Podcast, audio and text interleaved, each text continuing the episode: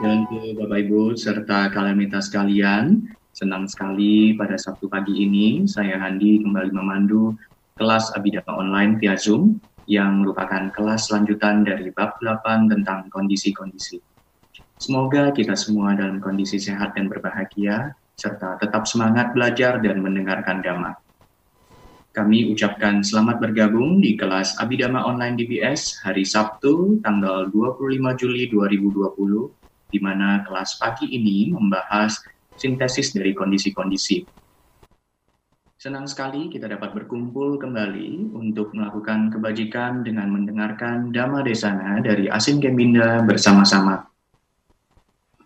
Sambil menunggu kalamita yang lain, akan beberapa pengumuman. Pengumuman pertama, dengan akan adanya terbit buku Manual Abidama Bab 7 volume kedua ajaran tentang realitas realitas hakiki dari Asen Keminda, kami membuka kesempatan bagi kalamita yang ingin berdana dengan kode 23 batas akhir 25 Oktober 2020. Dalam rangka perayaan Arya Abidama, DBS akan menyelenggarakan lomba karya tulis ilmiah populer pada tanggal 29 Oktober 2020. Karya yang dilombakan berupa tinjauan pustaka atau literature review, dan untuk syarat dan pendaftaran dapat langsung klik link tautan yang ada di layar Anda. Pendaftaran akan ditutup tanggal 31 Juli 2020. Seperti yang kita sudah ketahui, DBS sudah membuka kelas bahasa Pali yang dibimbing oleh saya Lai Kemanyani, di mana ini sudah dimulai sejak tanggal 12 Juli lalu. Di yang kelas ini diselenggarakan melalui Zoom setiap hari Minggu pada pukul 18.30 sampai dengan 20.30 waktu Indonesia Barat. Kelas ini baru memasuki kelas ketiga dengan peserta yang hadir kurang lebih 200 peserta lebih jadi bagi Galamita yang belum mendaftarkan uh, diri dapat segera daftarkan uh, melalui link yang ada atau scan uh, eh, QR code yang ada di layar Anda di mana kesempatan ini merupakan pengetahuan yang lintas kelahiran yang buahnya amatlah besar. Jadi dengan belajar bahasa Pali maka tidak kita tidak akan lagi tergantung pada orang lain dalam memaknai suta yang kita baca. Berikutnya, untuk dana buku penjelasan Sutanta yang keempat, kami masih buka membuka kesempatan bagi minta untuk berdana dengan kode 33 batas akhir 23 Agustus 2020. Dengan hadirnya DBS selama empat tahun ini, harapan kami memanfaat um, dengan manfaat dari kehadiran DBS dapat dirasakan oleh seluruh umat Buddha di pelosok Nusantara Uh, jadi kami ingin kembali mengajak Kalamita untuk bergabung dalam komunitas penyokong ajaran Buddha dengan membantu mendanai operasional DBS. Dana rutin dapat ditransfer ke rekening Yayasan DBS seperti yang ada di layar Anda saat ini. Berikutnya, kami informasikan juga salah satu cara mudah untuk berdana melalui dompet digital, yaitu GoPay, yang sudah dimiliki oleh DBS. Caranya cukup dengan scan QR code QRS code yang ada di bagian kiri layar Anda dan di bagian kanan terdapat juga kode-kode dana yang sudah tersedia. Berikutnya, kami informasikan juga bahwa uh, eh, DBS telah menerbitkan buku 9 Sifat Agung Buddha yang edisi kedua yang telah diperbaharui. Jadi bagi yang membutuhkan buku ini dapat menghubungi Sekretariat DBS di nomor yang tertera di layar Anda. Pastinya jangan lewatkan kelas variati sasana besok pada hari Minggu tanggal 26 Juli 2020 di mana besok Asin Keminda akan membahas khotbah dari Buddha yaitu khotbah tentang belenggu yang dinamakan nafsu kehausan Tanha Samyo Janasuta melalui Zoom dan live streaming YouTube. Supaya tidak ketinggalan berita-berita DBS, mari kami kembali mengajak kalian minta untuk bergabung dalam WA grup komunitas Buddha Sasana Nugaha uh, dengan cara klik tautan atau HTTPS uh, garis miring bit grup.ly garis miring DBS 4 Buddha Sasana Nugraha karena grup WA ini sudah terdapat empat ya empat grup karena uh, banyaknya umat yang sudah mendaftar. Nah, dari uh, grup komunitas ini kami akan selalu menginformasikan kegiatan-kegiatan yang akan dilakukan di BS uh, seperti buku-buku yang bisa Anda pesan ataupun penggalangan dana buku dan lain-lainnya. Terakhir, jangan lupa untuk follow, subscribe, dan like YouTube, Facebook, dan Instagram DBS supaya tidak ketinggalan informasi kegiatan-kegiatan DBS lainnya. Demikian pengumuman dari kami. Selanjutnya, sebelum kami membuka acara pada hari ini, izinkan kami menjelaskan beberapa tata tertib selama kelas Abidama online ini supaya kelas dapat berlangsung dengan baik dan lancar. Yang pertama, kami mengingatkan kepada semua kalamita untuk berpakaian rapi dan sopan, mengambil posisi duduk di tempat yang layak dan tidak sambil berbaring, serta mengikuti rangkaian acara dengan penuh perhatian dan sukacita.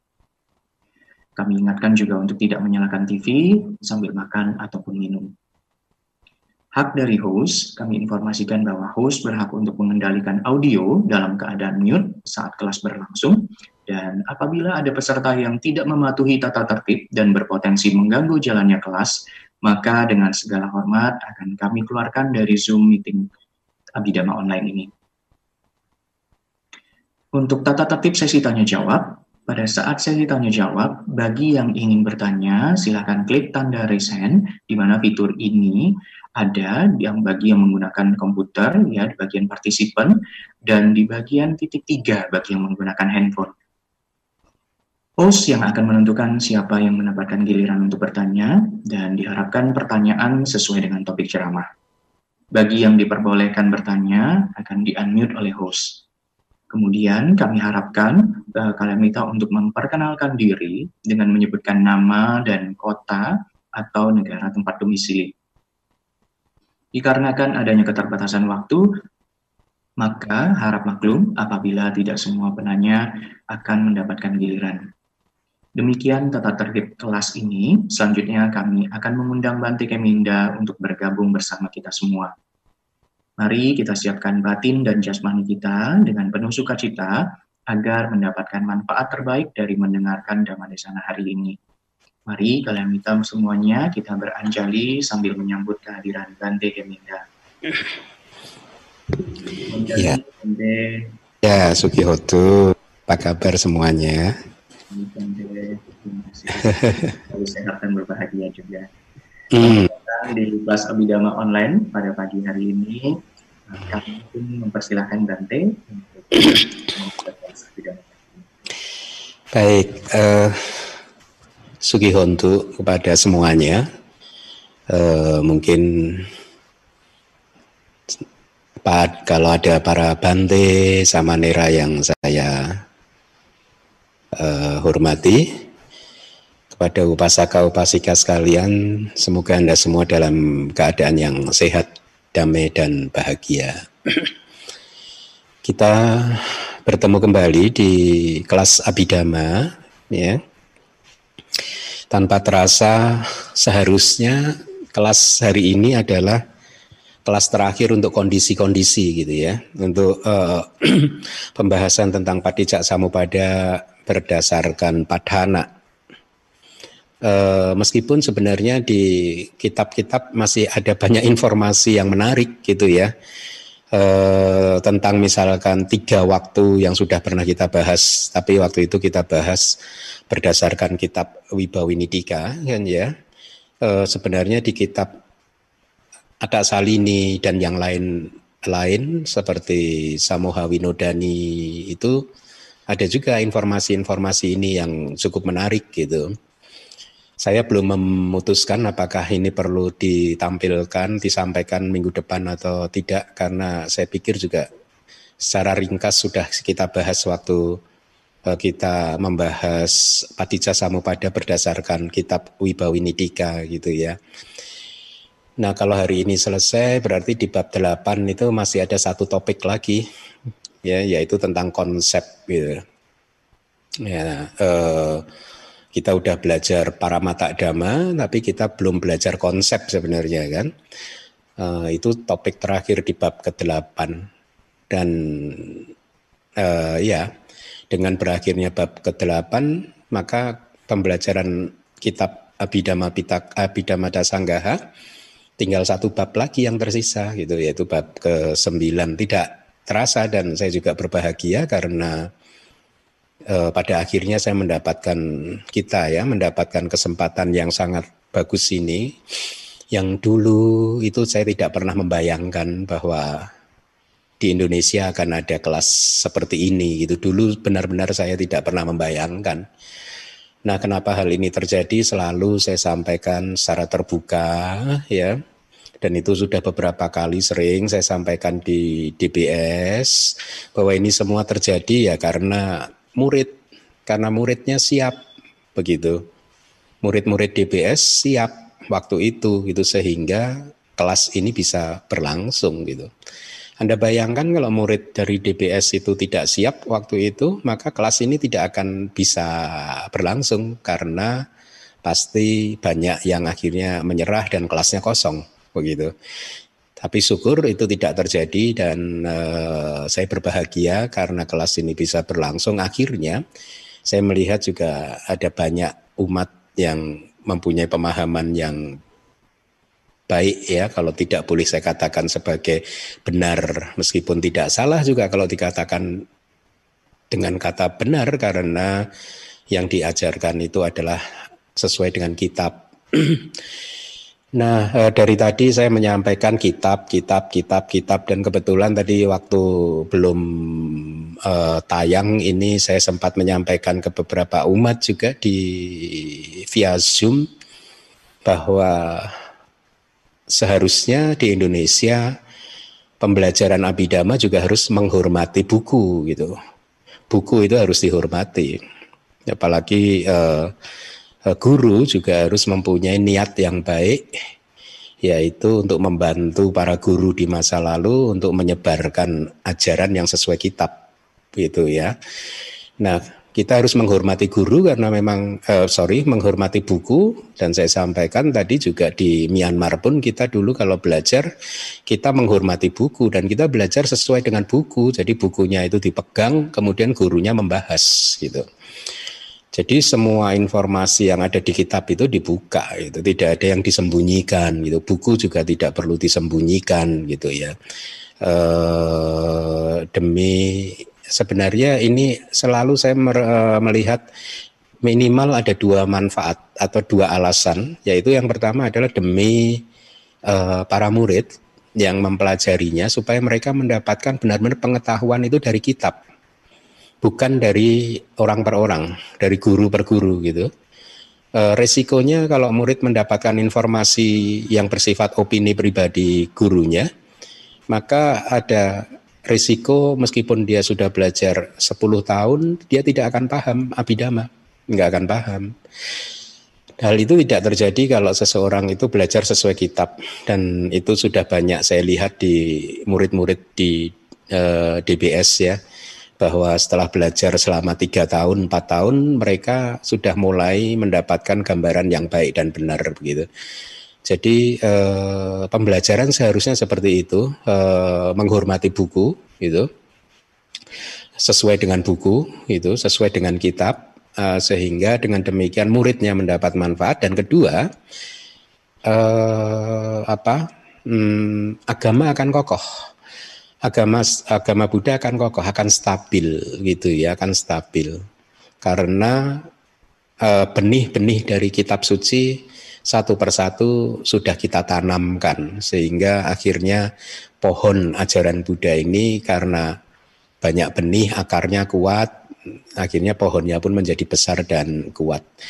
Ya itu prolognya. Eh, kelas kita pagi hari ini melanjutkan uh, dari kelas yang minggu lalu yaitu masih di bab sintesis ya. Jadi sintesis itu di sini bukan sintesis kita pernah mendapatkan istilah sintesis itu ketika belajar uh, asosiasi cita dan cetasika ya.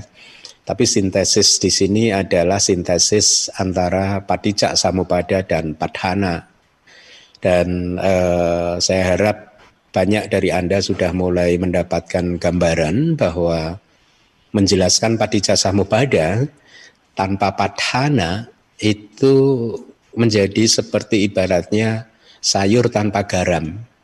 Nggak ada rasanya gitu. Nggak ada rasanya gitu.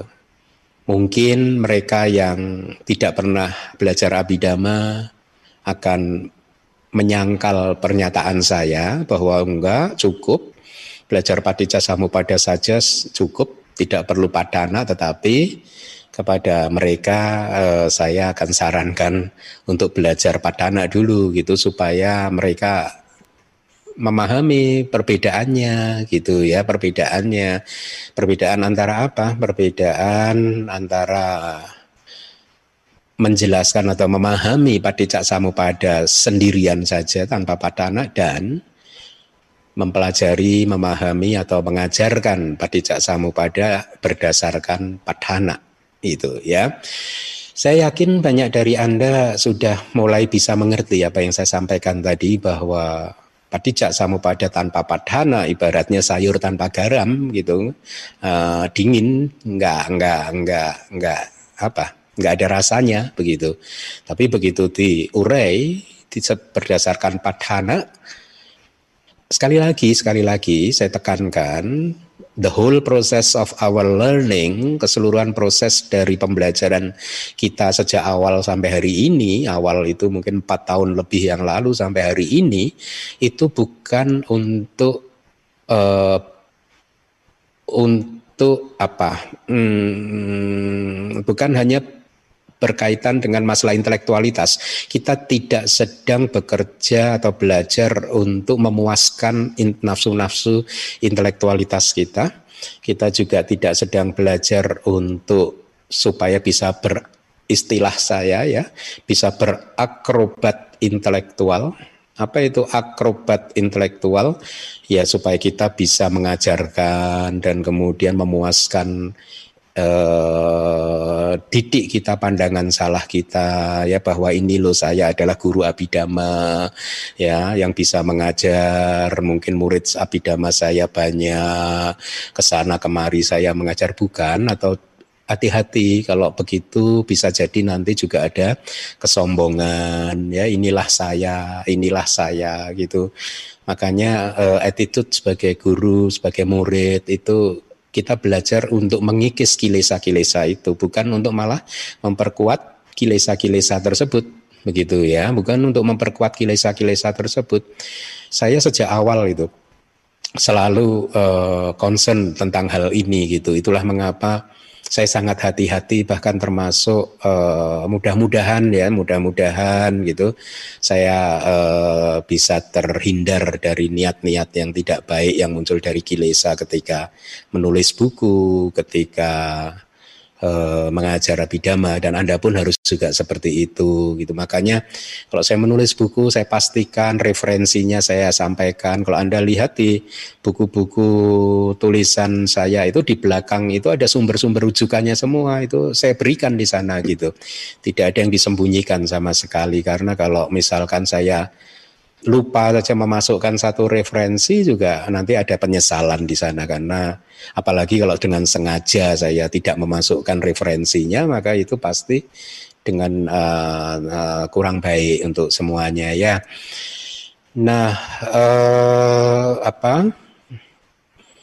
Uh, dengan memahami patijak samupada berdasarkan padana sekali lagi bahwa proses belajar kita itu adalah untuk memahami peta spiritual ya untuk memahami peta bagaimana kita mencapai misalkan mengupayakan untuk menghindari akusala cita, memunculkan mahakusala cita atau bahkan jana, maga, pala ya dan nibana uh, itu adalah uh, maksud tunggal kita ya saya pun juga seperti itu mengajar juga dengan maksud untuk memberikan peta spiritual dan buat saya juga ini adalah satu kebajikan dan parami saya yang semoga bisa menjadi kondisi untuk membuat saya bisa segera keluar dari samsara. Nah, eh, jadi itu tujuan belajar kita. Nah, kembali ketika Anda sudah memahami patijak pada berdasarkan padhana, ini bukan untuk akrobat intelektual, tetapi Anda harus benar-benar menjaga bahwa jangan sampai ada aku salah cita yang muncul ya. Kemudian Anda benar-benar harus teguh bahwa ini adalah peta spiritual yang membuat Anda memahami uh, keseluruhan uh, proses yang terjadi di dalam samsara dan Anda memahami bagaimana harusnya keluar dari samsara. Nah, eh, minggu lalu saya sudah sampaikan kepada Anda, eh, mohon disampaikan di slide, ya. Itu eh, di Jati Pacaya Jara Maranang, ya. Di slide itu adalah kalau Anda hafal formula dari Patijak Samupada, maka ini adalah formula yang di bagian terakhir gitu. Ya, jati bajaya jara meranang soka paridewa duka domana sa upaya sa sambawanti gitu ya. E, kemudian ada penutupnya adalah ewa metasa kewalasa duka kandasa samudayo hoti gitu ya. Nah, itu kalimat di formula aslinya. Tetapi kitab komentar menjelaskannya seperti yang ada di layar itu. Ya, yang kira-kira arti terjemahannya begini. Ewam etasa, demikian adalah gitu. Kemunculan masa penderitaan duka kanda, duka kanda. Kanda di sini agregat, bisa masa, bisa masa itu artinya kumpulan dari sesuatu dalam jumlah yang banyak sekali, gitu masa gitu ya. Masa penderitaan gitu ya. Kemunculan penderitaan dalam jumlah yang banyak sekali yang lengkap ewam metasa kewalasa duka kandasa samudayo hoti. Terus penjelasannya adalah juga begitu. Eh, demikian adalah perpaduan kumpulan, kombinasi, kehadiran, masa penderitaan yang lengkap ini. Oleh karena itu dikatakan seperti ini. Demikian adalah kemunculan masa penderitaan yang lengkap ini. Itu kalimat itu berulang ya. Jadi penutupnya ewa metasa kewalasa duka kandasa samudayo hoti. Nah sekali lagi eh, tadi saya katakan bahwa pembelajaran di Indonesia nantinya harusnya menuju ke pembelajaran kitab ya seperti ini begitu. Jadi apa yang ada di kitab disampaikan, apa yang ada di buku disampaikan. Kalau Anda belum paham bahasa Pali, maka Anda harus berpegang pada buku yang Anda percaya gitu. Seperti dulu kami di Myanmar ketika bahkan guru-guru kami itu dulu juga berpegang pada buku-buku bahasa Inggris yang beliau-beliau percaya gitu. Misalkan buku dari Biku Bodhi, buku dari Sayadaw Silananda dan uh, seterusnya ya. Nah, dengan demikian uh, kita mendapatkan pemahaman yang akurat karena berpegangan pada kitab, berpegangan pada buku, begitu ya. Nah, dari eh, keterangan tadi itu dari Wibangga Atakata ya dari kitab komentar Wibangga menjelaskan begini kaitannya dengan ewa meta sakewala saduka kanda sak samudayo hoti itu. Eh, kata demikian itu ewam eh, itu berarti atau merujuk pada keseluruhan metode patijak samupada. Jadi ewametasa ewangnya itu merujuk kepada keseluruhan uh, metode di patijak samupada. Yang dimaksud adalah keseluruhan dari awija pacaya sangkara sangkara pacaya winyanang winyana pacaya nama rupa nama rupa pacaya salaya tanang dan seterusnya. Ya, itu maksud dari kata ewang di sana gitu ya. Dengan metode yang seperti itu, Buddha menunjukkan eh, bahwa sebab dari penderitaan itu adalah awija dan seterusnya. Artinya dan seterusnya itu ya awija, sangkara, winyana dan seterusnya. Itu adalah eh, sebab dari penderitaan. Mohon untuk tidak dicampur adukkan dengan kebenaran mulia yang kedua ya, yang menyatakan sebab atau asal mula dari penderitaan adalah tanha gitu ya. Tapi ini anda harus pahami bahwa patijak samupada itu adalah bawa cakak. Bawa cakak itu ada bawa itu eksistensi atau kehidupan. E, cakak itu roda. Berarti ini adalah roda kehidupan. Patijak Samupada itu roda kehidupan. Kalau kita terus menerus mengikuti jalur Patijak Samupada, ya kita akan terus menerus berada dalam perputaran kehidupan dan kematian atau siklus uh, kehidupan dan kematian. Nah, dengan formula Patijak Samupada, Wija Pacaya Sangkara, Buddha menunjukkan bahwa semua atau sebab dari seluruh penderitaan ini adalah faktor-faktor yang ada di dalam Patijak Samupada, dimulai dari Awija, Sangkara, dan seterusnya. Dan kitab komentar menjelaskan bukan disebabkan oleh pencipta siapa pun itu Anda menyebutnya, bukan. Kalau Anda menderita, maka itu karena roda patija pada sedang berputar. Ya, artinya Anda tidak berhasil merubah wedana pacaya tanha menjadi wedana pacaya panya gitu ya. Nah, Kemudian tadi ada kata ewa metasa kewalasa. Kewala, kewala itu bisa diartikan lengkap begitu ya. Berarti di sini total menyeluruh semuanya atau semua artinya dengan demikian kewala itu semua bentuk penderitaan secara total tidak ada yang tersisa ya. Itu muncul karena demikian. Itu karena awija pajaya sangkara dan seterusnya. Jadi kewala mengandung arti tidak ada yang dikecualikan, penderitaan tidak ada yang dikecualikan, semuanya itu berproses sesuai dengan roda eksistensi atau bawa cakap. Ewa metasa kewala saduga kandasa samudayo. Samudayo itu bisa diartikan terjemahkan sebagai kemunculan. Artinya kitab komentar menjelaskan ini sambawa itu uh, kayak produksi juga bisa ya produksi. Jadi uh, produksi produksi uh, dari penderitaan itu seperti itu atau pembangkitan ya, bangkitnya penderitaan itu melalui proses uh, bawa cakak atau roda eksistensi gitu ya. Nah, tadi ada kata perpaduan, kumpulan, kombinasi, kehadiran itu semua adalah sinonim untuk kemunculan untuk uh, samudayo.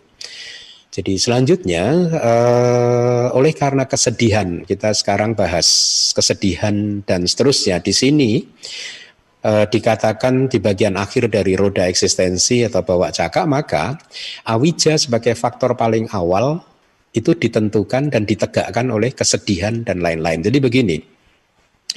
Anda harus memahami bahwa roda padi namanya roda ya, bawa cakak, roda eksistensi dia berputar itu titik awalnya udah nggak bisa ditentukan. Seperti kalau Anda melihat roda mobil Anda yang berputar, titik awalnya yang mana Anda tidak bisa menentukannya gitu ya. Tapi walaupun demikian demi metode teaching atau pengajaran maka titik awalnya seolah-olah ditentukan sebagai awija. Tetapi itu bukan bukan sebagai titik awal dari samsara ini. Itu bukan titik awal dari penderitaan ini gitu. Nah, kitab komentar menjelaskan kan uh, formulanya kan jati pacaya Jara Meranang itu yang bakunya ya. Kemudian ada secondary secondary-nya yaitu kalau soka paridewa duka domanasa muncul maka rodanya akan semakin berputar begitu. Tapi kalau jati pacaya jara meranang itu berhenti di meranang kematian tidak ada tidak ada uh, awija atau tidak ada kelahiran kembali seperti yang terjadi pada Buddha, Paceka Buddha dan para arahat yang parinibbana, maka tidak ada rodanya tidak berputar, berhenti di maranang, berhenti di parinibbana berhenti, rodanya berhenti di sana ya. Nah, tetapi ketika belum menghancurkan awija, maka roda akan berputar. Apalagi kalau kemudian sempat memunculkan soka paridewa duka domanasa upayasa ya kesedihan ratap tangis uh, suka par, soka paridewa duka rasa sakit jasmania domanasa duka cita upayasa ya upayasa uh, soka paridewa duka domanasa uh, upayasa. Upayasa itu kesedihan atau kepedihan yang mendalam, begitu. Maka uh, kemudian roda ini berputar dengan sangat uh, kencang. Nah, kitab komentar menjelaskan Soka paridewa duka domanasa inilah yang membuat awija itu tegak itu ya established gitu tegak dia uh, penjelasannya seperti ini gitu. Mohon slide-nya ditampilkan.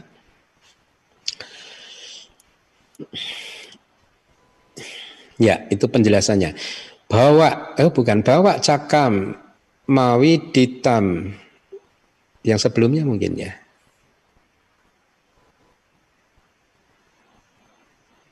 Oh nggak ada ya sebelumnya? Oh sorry nggak ada. Ya, oke okay, maaf.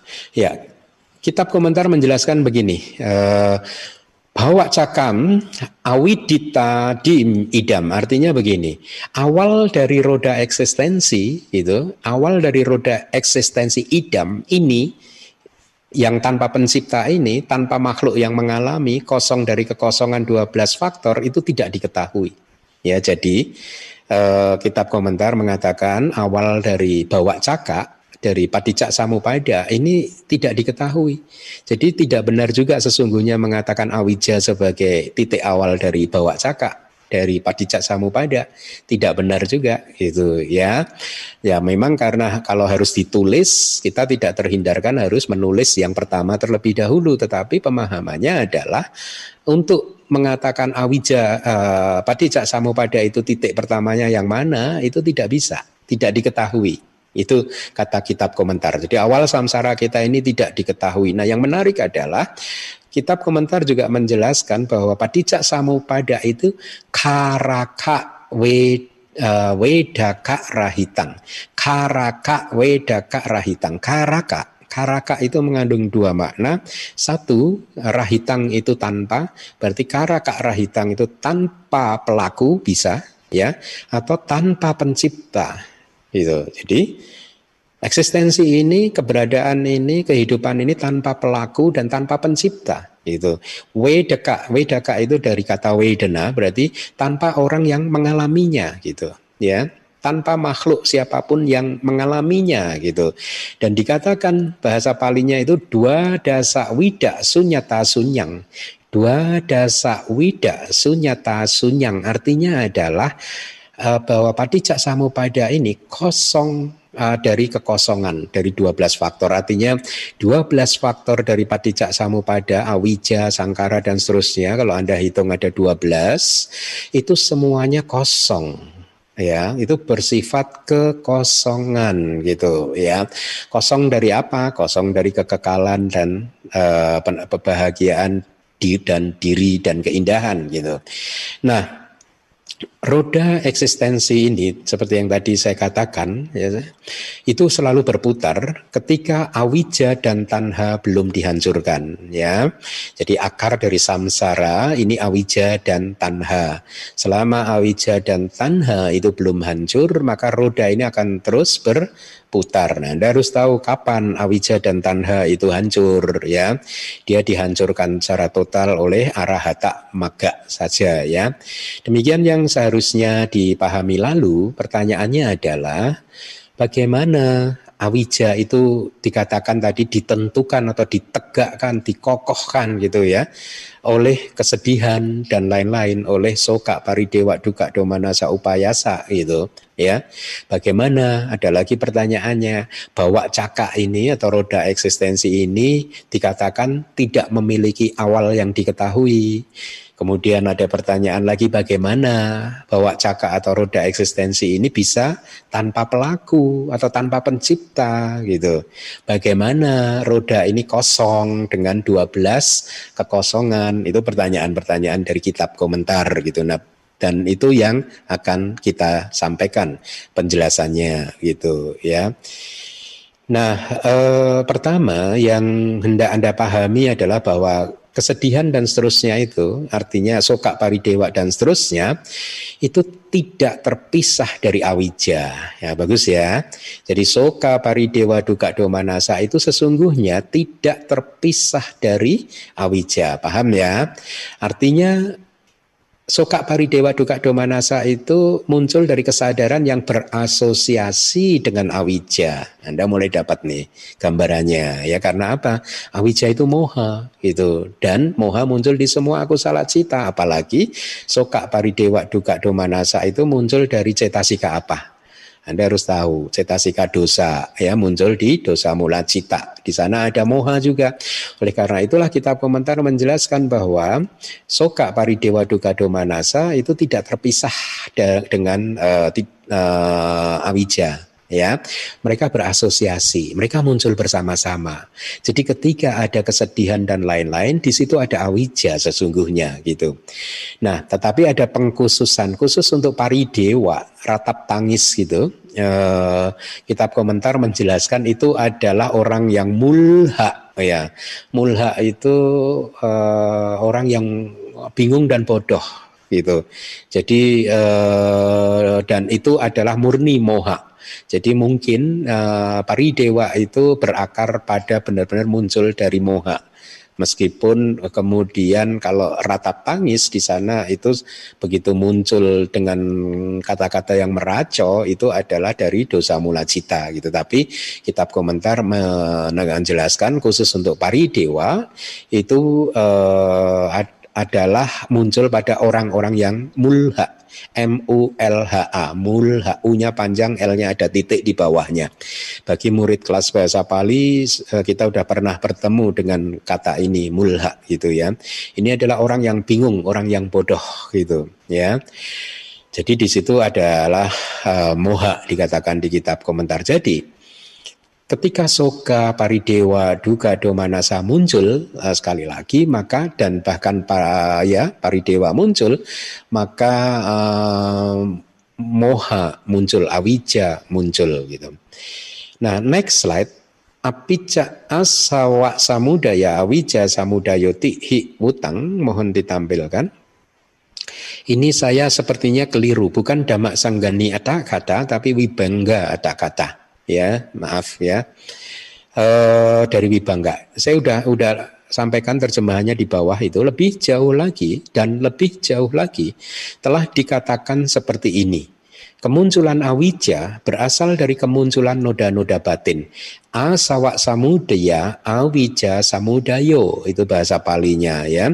Kemunculan awija, samudaya itu ablatif dari kemunculan asawa atau ablatif bisa diterjemahkan uh, menjadi karena ya. Kemunculan awija karena kemunculan asawa, karena ada kemunculan asawa. Asawa itu adalah noda uh, batin ya. Terjemahnya begitu. Jadi kemunculan awija berasal dari kemunculan noda-noda batin dan dari kemunculan noda-noda batin kesedihan dan lain-lain ada ya. Jadi Anda harus pahaminya uh, pemahamannya seperti ini. Uh, awija itu muncul karena ada noda-noda batin ya. Uh, kemudian karena Eh, noda-noda batin ini muncul, maka ada kesedihan dan lain-lain. Ya, nah noda batin itu ada empat yang kita sudah pelajari di bab ke-7 ya. Saya harap Anda masih ingat pelajaran di bab ke-7. Nah, bagaimana hal itu dijelaskan?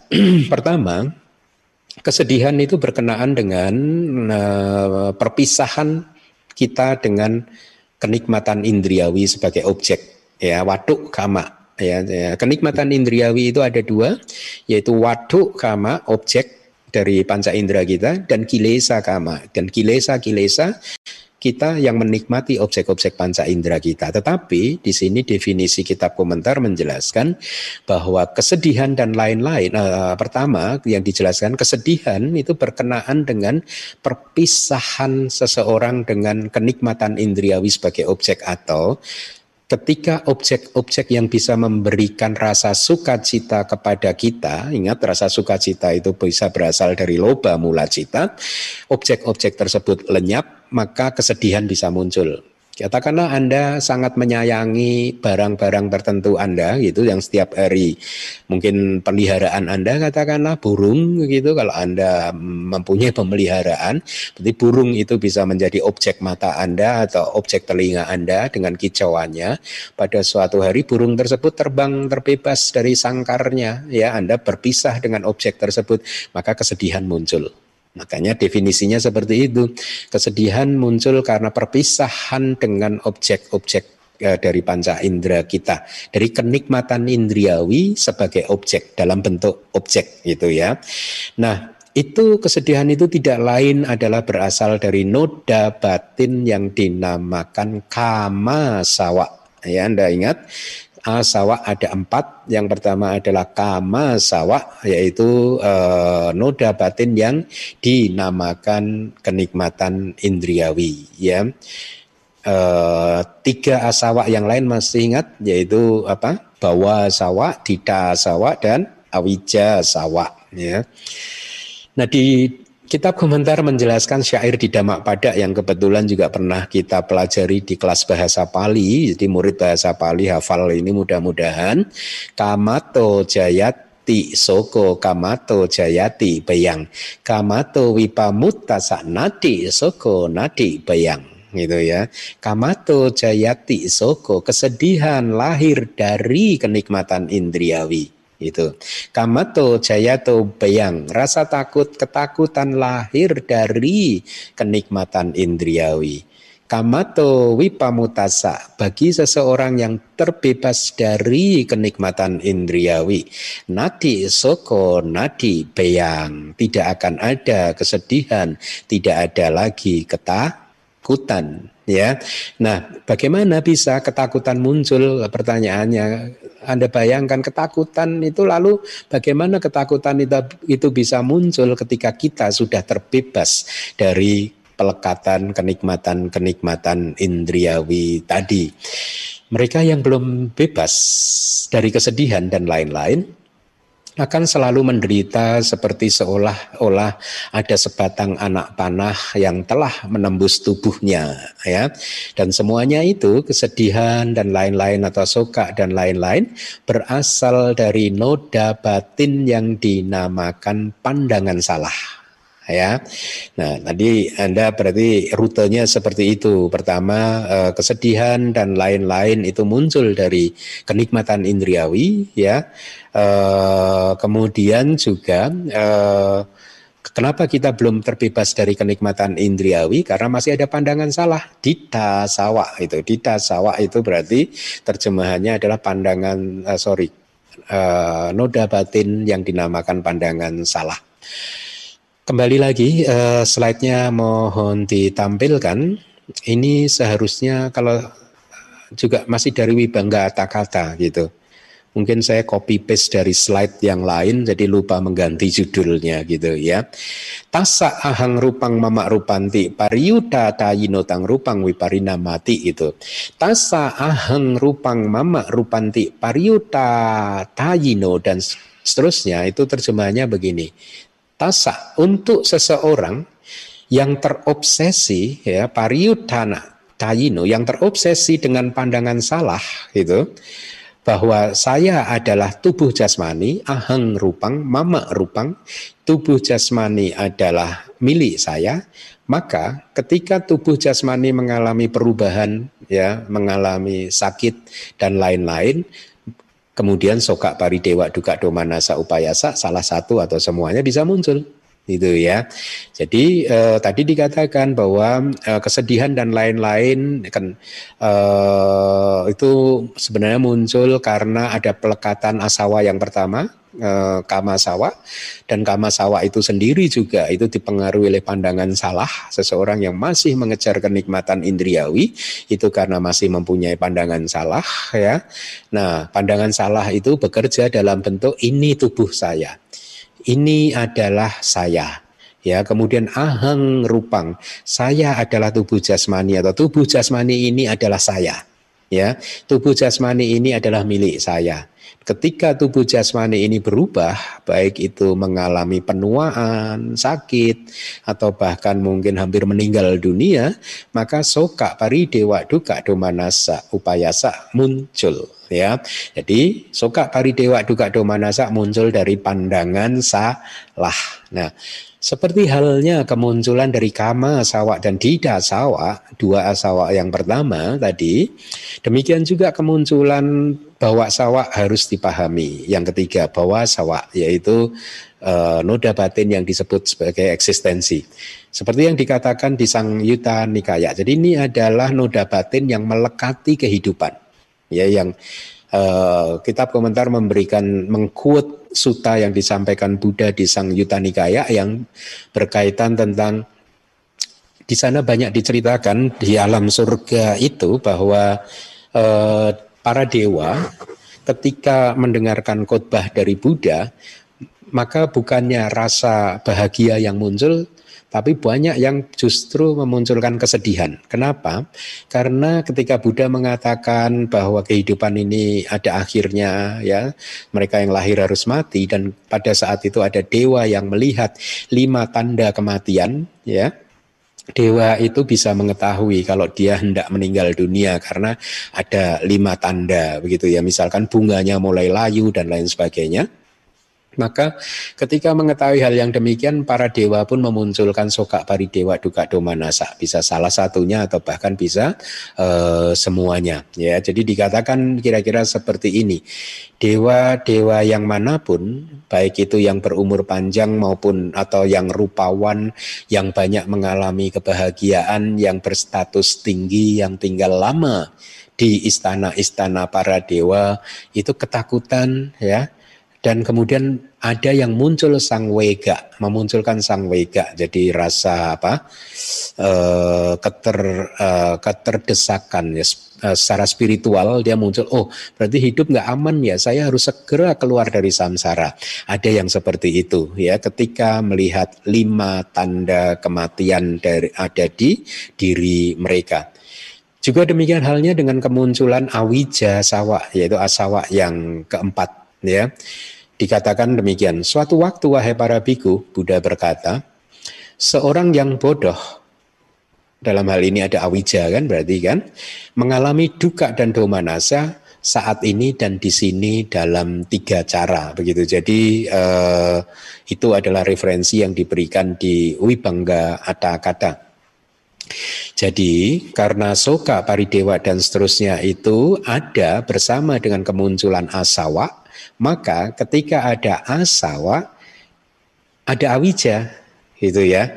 Demikianlah cara memahami kalimat yang disampaikan di kitab suci, eh, kitab komentar bahwa awija itu sendiri ditegakkan oleh soka, paridewa, duka, domanasa. Dan dengan demikian roda eksistensi atau bawa caka atau padijak samupada berputar-putar tanpa pernah berhenti. Kematian hanya akan diikuti dengan kelahiran dan begitu ada kelahiran maka rod, eh, soka, paridewa, duka, domanasa muncul lagi misalkan dengan dengan demikian berputar terus bisa jadi putaran tersebut tidak akan pernah berhenti.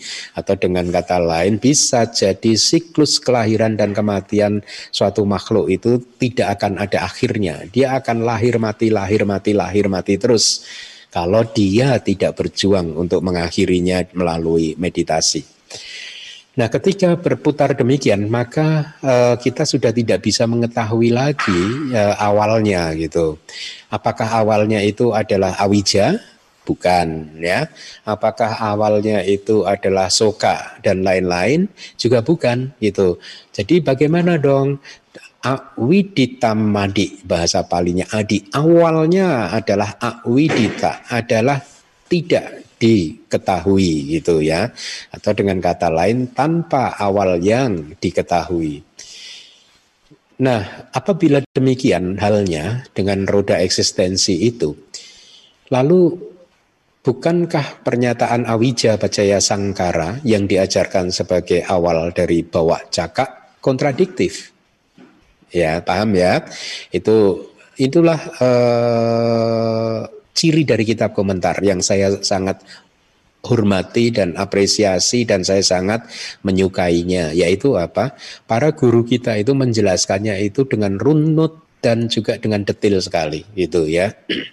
Jadi e, untuk menjaga supaya tidak ada keraguan dan mungkin ada pertanyaan loh kalau begitu kenapa disebutkan oleh Buddha awija sebagai faktor yang pertama itu ya. Kitab komentar pun membahas poin ini ya.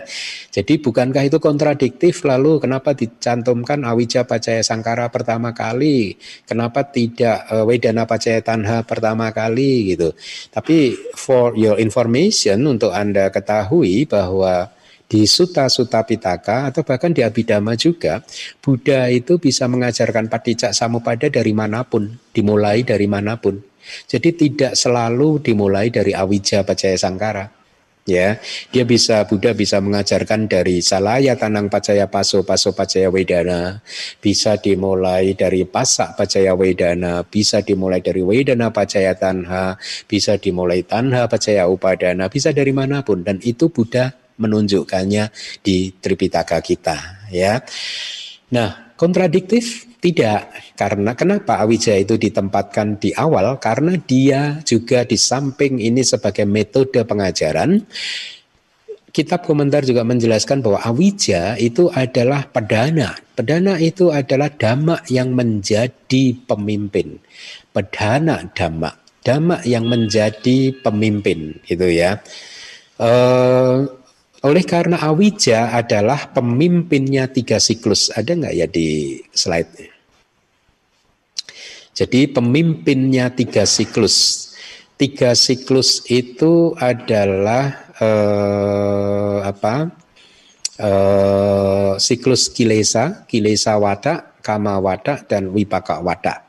Itu tiga siklus ya. Jadi oleh karena Awija adalah pemimpin dari tiga siklus, maka Awija uh, di dalam formula yang umum disebutkan pertama kali. Tapi pemahamannya seperti yang sudah kita jelaskan. Ya. Nah, lalu penjelasannya begini. Oleh karena mencengkeram Awija, ya maka orang yang bodoh itu terbelit di dalam siklus kilesa, siklus kama, siklus wipaka gitu ya. Uh, jadi penjelasannya begini, ketika awija itu belum dihancurkan, maka kilesa-kilesa lain akan muncul ya. Dan ketika kilesa-kilesa lain itu muncul, kita akan terbelit dalam siklus kama. Anda pahami ya pelajaran dari kelas yang lalu, kama itu hanya bisa terjadi kalau masih ada kilesa. Karena ketika kilesa sudah dihancurkan, maka cetananya sudah tidak bisa disebut sebagai kama lagi. Jadi saya ulangi lagi ya. Oleh karena mencengkeram awija, seseorang itu mencengkeram awija atau ada cetasika lain yang mencengkeram awija, maka orang yang bodoh itu terbelit di dalam siklus uh, siklus uh, tiga siklus itu tadi. Ketika awija belum dihancurkan, ya maka kilesa lain akan muncul, ya. Jadi ketika awija belum hancur, maka akan ada kilesa. Dan ketika ada kilesa, ada kama. Dan ketika ada kama, maka akan ada wipaka. Ya, Jadi ada kilesa, kama, wipaka. Ada kilesa watak, siklus kilesa, kama wata, siklus kama, dan wipaka wata, siklus wipaka. Kalau Anda kebingungan, Anda saya sarankan untuk melihat uh, diagram padicak samupada yang pernah kita pelajari di kelas di DBS yang saya rasa bagi umat di luar DBS, Anda bisa mendapatkannya uh, di di deskripsi dari semua video yang membahas padicak samupada saya rasa gitu ya. Jadi saya lanjutkan. Ilustrasinya itu seperti ini gitu. Ibaratnya ada seseorang, seorang laki-laki mencengkeram kepala ular berbisa. Katakanlah dia mencengkeram kepala ular yang suka melilit itu apa? Ular yang suka melilit lilitannya kuat itu yang ular besar itu ya. Ular sanca atau ular apa itu ya. Bayangkan ada seorang laki-laki dia mencengkeram kepala ular apa yang terjadi ketika dia mencengkeram kepala ular? Yang terjadi adalah tangannya dia akan dililit oleh ular tersebut. Atau bahkan mungkin sampai ke tubuh-tubuhnya dia akan dililit oleh ular tersebut. Bagaimana cara laki-laki itu membebaskan diri dari lilitan ular tersebut? Kitab komentar menjelaskan cara membebaskannya adalah dengan cara memotong kepalanya gitu. Ketika kepalanya dipotong maka maaf ya meskipun ini ceritanya jadi kayak horor membunuh binatang gitu maaf. Tapi memang itu yang ada di kitab ya. Sebenarnya saya tidak pernah merasa uh, suka dalam arti uh, tidak terlalu menikmati begitu kalau ada contoh-contoh membunuh-membunuh seperti itu. ya maaf maaf ya tapi kitabnya menjelaskan demikian. Uh, apa supaya terbebas dari lilitan tersebut, maka eh, kepala dari ularnya harus dipotong. gitu ya. Ketika kepala dari ular itu dipotong, maka orang tersebut akan terbebas dari lilitan. Nah, demikian pula juga kita. Itu perumpamaan yang baik untuk menggambarkan bagaimana cara kita terbebas dari jeratan di dalam samsara ini, ya. Cara kita terbebas dari jeratan dari lilitan samsara atau tiga siklus tadi, siklus kilesa, siklus kama, siklus wipaka, kilesa wada, kama wada, e, wipaka wada yang harus kita lakukan ya memotong kepalanya dan kepalanya itu adalah awija. Itulah mengapa karena awija itu sebagai kepala, maka kalimat dari patijak samupada seperti itu, yaitu uh, awija pacaya sangkara dan seterusnya. Dan kalau Anda lihat reverse metode reverse-nya, metode berputar baliknya dari rumus atau uh, formula patijak samupada, itu kan berbunyi juga begitu, dimulai dari awijaya tuewa asesa wiraga niroda samsara nirodo. Samsara niroda winyana nirodo, winyana niroda, nama rupa nirodo, nama rupa niroda, salayatana nirodo dan seterusnya kan ya.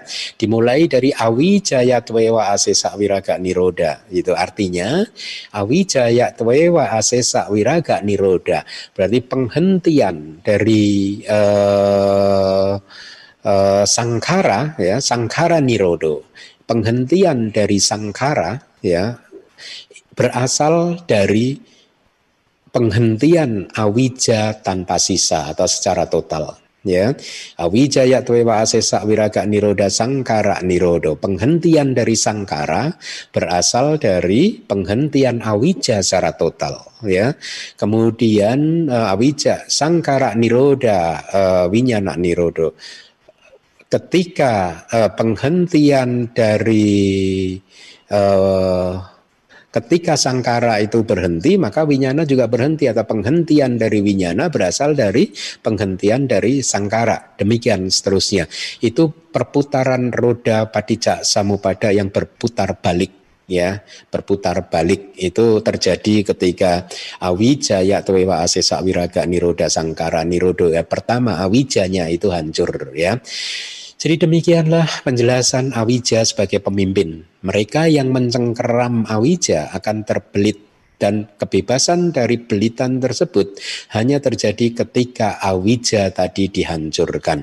Nah, keseluruhan proses bawa cakak ini berputar harus diketahui tanpa pencipta. Ya, tidak ada penciptanya. Dia berputar sesuai hukum-hukumnya masing-masing yang sudah kita pelajari di bab dari bab 1 sampai bab 8 ini. Begitu ya. Jadi bahkan kitab komentar menyebutkan tanpa pencipta misalkan bukan diciptakan oleh Maha Brahma atau siapa pun itu Anda menyebutnya. Itu yang ada hanyalah awija, pacaya sangkara, sangkara, pacaya winyanang dan seterusnya. Nah, selanjutnya di sini oleh karena awija adalah dhamma yang muncul dan lenyap, dan karena awija itu juga dhamma yang tidak stabil, tanpa kestabilan dan tanpa keindahan, ya, karena keadaan yang tercemar oleh uh, kilesa dan sekaligus juga uh, awija itu sendiri adalah dhamma yang menghasilkan kilesa, ya. Jadi menarik ya, kitab komentar mengatakan awija itu penghasil kilesa gitu. ya. juga tanpa kebahagiaan karena tertekan terus-menerus oleh kemunculan dan kelenyapan. Jadi itu definisinya. Saya ulangi lagi, oleh karena awija adalah dhamma yang muncul lenyap dan karena tanpa kestabilan dan tanpa keindahan. Kenapa demikian? Karena awija itu keadaannya sesungguhnya dia sendiri itu juga tercemar oleh kilesa ya dia tidak bisa muncul sendiri kan, dia muncul dengan kilesa-kilesa yang lain. Anda bayangkan saja, aku salah cita itu semuanya ada awijanya dan dia muncul bersama dengan uh, aku salah cetasika yang lain di setiap momen kesadaran aku salah cita. Tidak hanya awija itu tercemar oleh kilesa-kilesa yang berasosiasi dengannya, tapi awija itu sendiri dikatakan oleh kitab komentar sebagai penghasil dari kilesa itu, gitu ya. Uh, saya tidak, saya belum mengetahui penjelasan dari tikanya ini, ya. Juga uh, tanpa kebahagiaan karena tertekan terus oleh kemunculan dan kelenyapan. Jadi itu definisi tanpa kebahagiaan. Samsara ini tanpa kebahagiaan karena kebahagiaan itu sendiri yang kita alami disebut sebagai penderitaan. Kenapa? Karena kebahagiaan itu sendiri muncul dan lenyap gitu. Nah, samsara ini juga tanpa roh atau diri yang menjadi otoritas ya, wasak watana bahasa palinya. Jadi patijak samupada itu tanpa roh anata, tanpa diri ya, tan tidak ada roh atau tidak ada diri yang menjadi otoritas penguasa wasak wadana. Kenapa? Karena keberadaan dari bawah caka itu murni bergantung pada kondisi-kondisi. Awija muncul bergantung pada soka paridewa ya dan seterusnya. Sangkara muncul bergantung pada awija dan kondisi-kondisinya yang lain. Atau penjelasannya adalah karena awija itu bukan atak itu ya bukan roh. Sangkara juga bukan roh. Winyanang bukan roh. Nama rupa bukan roh ya. Salaya tanah bukan roh. Kontak bukan roh. Wedana bukan roh dan lain sebagainya. Mereka hanyalah damak-damak yang muncul dan lenyap.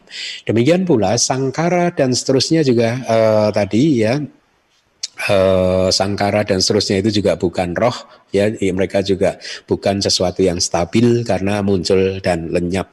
Kitab komentar juga menyebutkan tidak hanya mereka itu adalah bukan atak, tapi mereka juga bukan atak no gitu ya. Atak no itu atak dalam kas uh, ininya uh, bahu wacana plural dia plural jamak berarti roh-roh gitu.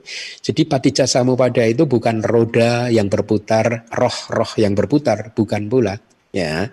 Jadi eh, Anda boleh catat pertama, rud bawa cakak itu bukan atak. Kedua, bawa cakak bukan atak no, itu plural berarti roh-roh atau diri-diri. Kemudian bawa cakak itu juga bukan atak ni. Atak ni, atak ni itu artinya bawa cakak itu bukan sesuatu, atani itu lokatif. Ah, berarti bahwa cakak bukan sesuatu yang ada di dalam roh, ada di dalam diri gitu. Bukan pula atakwa, atakwa itu posesif gitu. Berarti uh, uh, memiliki roh gitu ya bahwa bahwa cakak cak samupada itu memiliki roh gitu ya. Maka jadi ada ada empat tadi ya, apa? Ata, atakno, atakni, atakwa. Ya, atak, atakno, atani, atawa gitu ya. Itulah mengapa bahwa caka harus dipahami sebagai tanpa pencipta dan bahwa caka atau padijak samupada harus dipahami tanpa makhluk yang mengalaminya. Tadi itu adalah penjelasan dari bahasa Pali karaka wedaka rahita. Kalau Anda mau tulis karaka, ka-nya panjang, wedaka rahita. Itu rahita itu tanpa. Karaka itu tanpa pencipta tanpa pelaku uh, wedana wedaka itu tanpa makhluk yang mengalaminya begitu maksudnya. Nah demikian adalah akhir dari kelas kita pas jam 10 ya. Saya harap uh, Anda mendapatkan gambaran yang makin lengkap ya uh, tentang ajaran Padijak Samupada dan Padana ini ya. Dan semoga apa yang sudah kita pelajari selama ini uh, bisa menjadi kondisi yang mendukung kemunculan jana maka pala dan menjadi kondisi kita untuk merealisasi nibbana. Sadu sadu. Sadu sadu sadu Anumodana Bante atas penjelasannya kepada kami pagi ini. Selanjutnya kita akan memasuki sesi tanya jawab. Untuk itu kami akan kembali bacakan tata tertib dari sesi tanya jawab ini. Saat sesi tanya jawab, bagi yang ingin bertanya, kita dapat melakukan klik tanda raise hand. Karena fitur ini ada di bagian partisipan menggunakan komputer dan ada di bagian titik tiga bagi yang menggunakan handphone host akan menentukan siapa yang mendapatkan giliran untuk bertanya dan pertanyaan diharapkan sesuai dengan topik ceramah. Bolehkan bertanya akan diambil oleh host. Kemudian kami harapkan kalian minta untuk memperkenalkan diri dengan menyebutkan nama dan kota atau negara tempat domisili. Karena kan adanya keterbatasan waktu, maka harap maklum apabila tidak semua penanya akan mendapatkan giliran agar memberikan kesempatan kepada semua kalian kita yang ingin bertanya, kami mohon agar masing-masing penanya hanya mengajukan satu pertanyaan terlebih dahulu. Kami persilahkan bagi Anita yang ingin bertanya, silakan klik raise hand ya. Kesempatan pertama kami berikan pada silakan.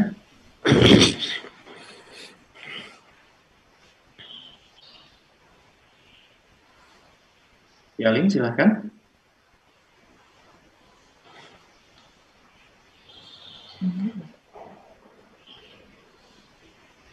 Maaf, Yaling. So, ya. Ya. Bante, Bante. Ya. Bante, Aling mau tanya yang tadi Bante yang uh, menyebutkan bahwa uh, Soka Paridewa dan sebagainya itu kan tidak terpisah dari Awija. Uh, karena uh, mereka kan pada umumnya adalah uh, muncul dengan dosa mula cita yang memang ada mohanya. Uh, tapi bukannya di antaranya itu ada duka yang merupakan duka wedana yang muncul di kayak winyana ya Pak? Oh iya. Iya. Terima kasih Suki Hotu. Cukup ya? Iya Bante. Oke okay, oke. Okay. ya bagus bagus. Ya ada duka di sana adalah duka wedana ya uh, yang muncul di uh, uh, apa ahituka cita. Uh, sebentar. Kemarin itu memang saya juga sempat uh, memikirkan tentang hal itu, itu. Tapi memang di kitab uh, komentarnya itu uh, tidak dijelaskan lebih jauh lagi, ya. Karena saya makanya berpikirnya begini. Karena ketika kitab komentar menjelaskan soka di gitu ya, soka dan seterusnya itu e, mengokohkan awija, dia memasukkan juga duka yang muncul di ahituka cita dan itu adalah ahituka, maka e, kemarin saya sempat memahaminya demikian. Jadi yang dimaksudkan di dalam uh, penjelasan atau statement tersebut adalah ketika seseorang tidak bisa menerima perubahan tadi tubuhnya sakit misalkan ya, uh, kan kalau nggak salah tadi di kalimat berikutnya ada kalimat ahang rupang gitu ya atau uh, mama rupang begitu ya. Karena ada pandangan salah seperti itu maka ketika tubuh mengalami kesakitan ya uh, pada saat itu masih ada pandangan salah tentang keakuan. Meskipun munculnya pada momen yang berbeda begitu ya. Tetapi eh, bisa jadi kemudian dijelaskan bahwa pandangan salah itu bisa jadi selama masih ada duka domanasa eh, muncul melalui kesadaran tubuh pada saat itu selama dia itu adalah seseorang yang belum menghancurkan pandangan salah, maka pandangan salahnya itu kalau dulu kata-kata dari Sayado Silananda atau kata-kata dari Biku Bodhi atau bahkan kemudian diulang oleh guru-guru saya, dia itu menjadi underlying factor jadi menjadi faktor yang kayak mendasari di bawahnya begitu. Dia tidak muncul memang, tidak muncul bersama dengan uh, uh, kesadaran tubuh yang ahituka, tetapi dia menjadi faktor yang mendasari dia menjadi kokoh begitu. Karena semata-mata dia belum menghancurkan pandangan salah. Nah, tetapi Kemarin saya juga sempat berpikir saya hubungkan dengan kalimat yang berikutnya itu ya, uh, yaitu ahang rupang mamak rupang itu tadi. Uh, tubuh jasmani adalah saya, tubuh jasmani adalah milik saya, begitu karena uh, ada pemah pemahaman itu muncul dari pandangan salah gitu ya. Hmm. Nah, dan demikian ketika duka doma, uh, duka wedana itu uh, muncul, maka dipahami pada saat itu uh, dita sawa muncul atau asawa yang dinamakan pandangan salah muncul dan ketika itu awija juga muncul. Saya rasa demikian sih penjelasannya Aling dan saya rasa menurut saya itu penjelasan yang sesuai kitab sih. Hmm, baik Bante. Jadi sebagai uh, satu kondisi yang memunculkan duka kaya winyana seperti itu ya Bante maksudnya ya. Kenapa? Sebagai salah sebagai kondisi dalam memunculkan uh, duka kaya winyana gitu nanti maksudnya. Um, uh, yang sebagai kondisi awijanya. Uh, ya, yang muncul bersama dengan tadi kita uh, sawak dan sebagainya itu bantu. Sawak-sawaknya ya, iya ya. iya, iya. Istilahnya underlying factor itu tadi. Uh, itu istilah yang sering dulu disampaikan oleh para guru Uh, gitu. Jadi apa? Tapi ya kita pahaminya seperti itu. Nah, kita harus memahami kalau itu muncul di di di arahat ya ini di luar pembahasan kita kan. ya, oh. ya di luar pembahasan materi ini begitu. Jadi kita asumsikan itu kita membahas uh, putu jana dan juga bahkan seka itu ya. Gitu. Ya, baik nanti makasih. Sama-sama. Itulah mengapa uh, saya selalu kepada murid-murid saya yang berjubah dan ini nanti ada satu yang mau jadi murid, saya selalu menekankan uh, fokuslah kepada bahasa Pali dan Abhidhamma, ya, uh, karena untuk bisa mempelajari bahasa Pali dan Abhidhamma Anda butuh guru, gitu, Anda butuh guru, gitu. Ya hal-hal seperti ini gitu. Kalau ada yang ragu, maka ditanyakan, kemudian guru akan menjelaskan sehingga keraguan Anda bisa lenyap begitu ya. Nah, e, kalau belajar suta itu dari pengalaman saya tidak begitu butuh guru. Karena kalau Anda sudah paham Abhidhamma dan paham bahasa Pali, karena Anda paham bahasa Pali, Anda bisa membacanya sendiri. Dan Sutta Pitaka itu mudah untuk dibaca. Kemudian kalau Anda membaca kitab komentar dari Sutta Pitaka, selama Anda sudah paham Abhidhamma dan paham bahasa Pali, Anda akan bisa paham kitab komentar dari Sutta Pitaka. Tapi kalau Anda nggak paham Abhidhamma, sulit juga untuk membaca kitab komentar dari Sutta Pitaka. Itu, nah eh, bagus. Makanya kelas-kelas seperti ini itu bagus. Uh, bukan apa, bukan karena saya gurunya, bukan. Karena saya juga dulu itu menikmati gitu ketika masuk ke kelas gitu. Saya itu selalu antusias ketika masuk ke kelas. Bahkan ketika ada libur gitu itu saya aduh gitu ya nggak ada kelas kayak ada sesuatu yang ini gitu ya karena saya merasakan kelas itu penting belajar dari guru itu penting gitu. Dan uh, beberapa waktu yang lalu saya juga katakan ke Seale Kemanyani itu, saya itu beruntung karena ketika belajar di ITBMU itu saya belajar abidama selama tiga tahun itu diajar oleh seorang guru yang hebat itu meskipun beliau adalah seorang seale tapi dia itu hebat karena dia itu hafal di luar kepala dan mempunyai logika yang bagus, logikanya bagus, pemahamannya bagus. Tidak heran kalau guru saya tersebut atau beliau tersebut itu adalah lulusan Dhamma Acarya terbaik di seluruh negeri gitu. Jadi saya beruntung karena tiga tahun dari semester awal sampai semester terakhir diajarkan oleh uh, dikawal oleh uh, beliau gitu. Makanya saya mendapatkan banyak ilmu. Itulah mengapa saya sangat paham bahwa belajar abidama itu butuh guru butuh guru gitu. Bahkan Anda tidak bisa hanya mendengarkan saja terus kemudian misalkan ini mendengarkan di YouTube ya eh, setelah kelas selesai. Ketika Anda ada pertanyaan kan Anda nggak bisa bertanya. Karena kelasnya udah selesai gitu. Seperti Aling ini tadi, ada yang ragu dia tanyakan. Eh, jadi ada kesempatan bertanya gitu. Nah, kalau kesempatan untuk bertanyanya hilang, apa yang terjadi? Satu, keraguan Anda tidak hancur, tidak lenyap bukan wicikita cetasika ya, keraguan spesifik terhadap topik-topik atau poin-poin tertentu itu tidak hancur.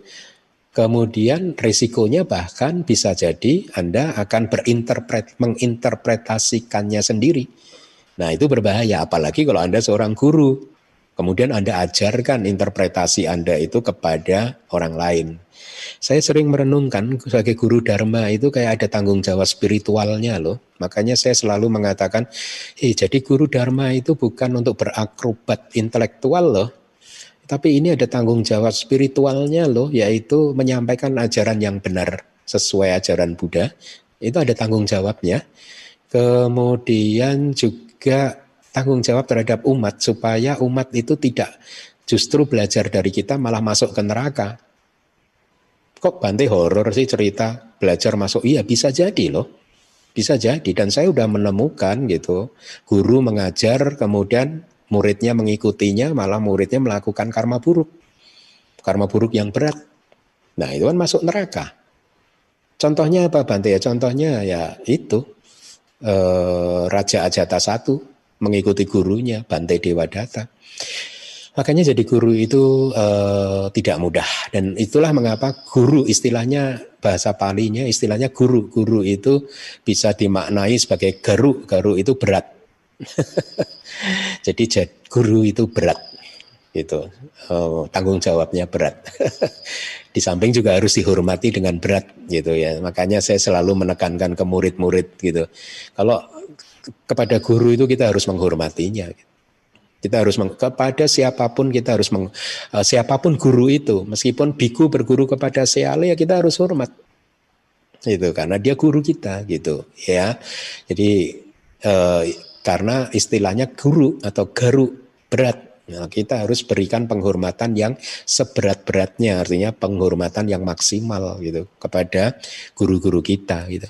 Jangan pernah menjelek-jelekan guru-guru kita gitu ya, karena uh, uh, ya karena secara etis spiritual juga itu tidak baik. Demikian silahkan kalau ada pertanyaan yang berikutnya. Sementara uh, kita menunggu kalian minta untuk bertanya, kami ingatkan kembali, silahkan klik raise hand di bagian partisipan atau di bagian titik tiga yang menggunakan handphone ya. Mungkin Handi yang ingin bertanya, maaf tadi agak sedikit uh, terlewat bahwa caka itu uh, ada empat, ata, atani, atana, atano ya tadi. Uh, ata itu uh, singular, mhm. kemudian pluralnya atano, jadi artinya patijak samupada itu bukan masing-masing itu atau dalam keseluruhan roda itu bukan ata, bukan roh dalam artian tunggal begitu ya pemilik tunggal atau pengendali tunggal atau yang mengalami tunggal satu-satunya itu bukan. Bukan juga itu gabungan dari roh-roh atau atani itu ya atano itu. Itu artinya pluralnya atano itu kemudian bukan juga atani atani itu di dalam roh. Ya karena dia lokatif. Uh, yang sudah belajar bahasa Pali saya beri informasi atani itu lokatif kasusnya lokatif ya. Uh, kemudian bukan juga atawa. Atawa itu memiliki roh gitu ya. Uh, jadi uh, demikian. Ata atano atani atawa v a a nya panjang begitu mudah-mudahan jelas. Silakan kepada Kalimita yang ingin bertanya. Mungkin ada pertanyaan yang masih sehubungan dengan bab tentang kondisi-kondisi ini. Kami persilakan. Dari minggu lalu mungkin sempat belum bertanya. Ya, kami persilahkan kepada saudara Herman. Ya, Sukioto Bante. Itu Pak Herman. Ya, sama lagi Bante. Maaf mau tanya Bante uh, mengenai Paticca Samupada. Ya. Uh, kenapa Sang Buddha di 12 Paticca Samupada itu uh, kan ada nama rupa Pacaya saya tanah, tapi di luar dari itu ada winyanya apa Ija Pacaya Winyanya dan uh, Wedana Pacaya ya. Tanha ya.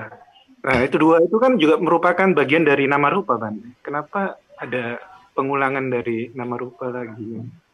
Oh, baik, baik, baik. Ya, saya memahami pertanyaan Anda. Terima kasih. Uh, ya, Saudara Irman. Makanya, uh, Uh, mungkin Anda uh, kalau Anda tidak mempelajari abidama dari awal, mungkin Anda perlu saya sampaikan begini gitu ya.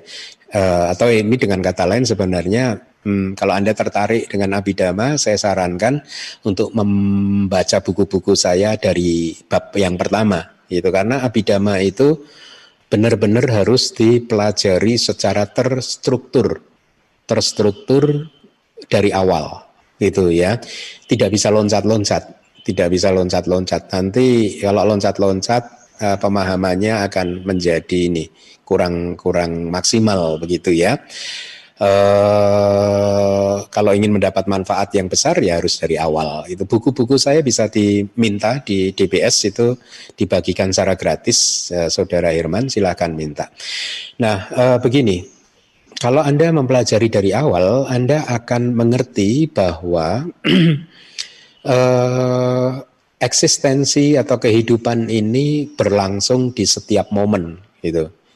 Jadi di setiap momen itu hanya ada satu uh, kesatuan saja, satu kesatuan damak. Artinya di setiap momen atau katakanlah ini ya setiap detik ya. Meskipun menurut saya itu memakai istilah detik itu tidak tepat karena kana itu lebih cepat dari detik itu.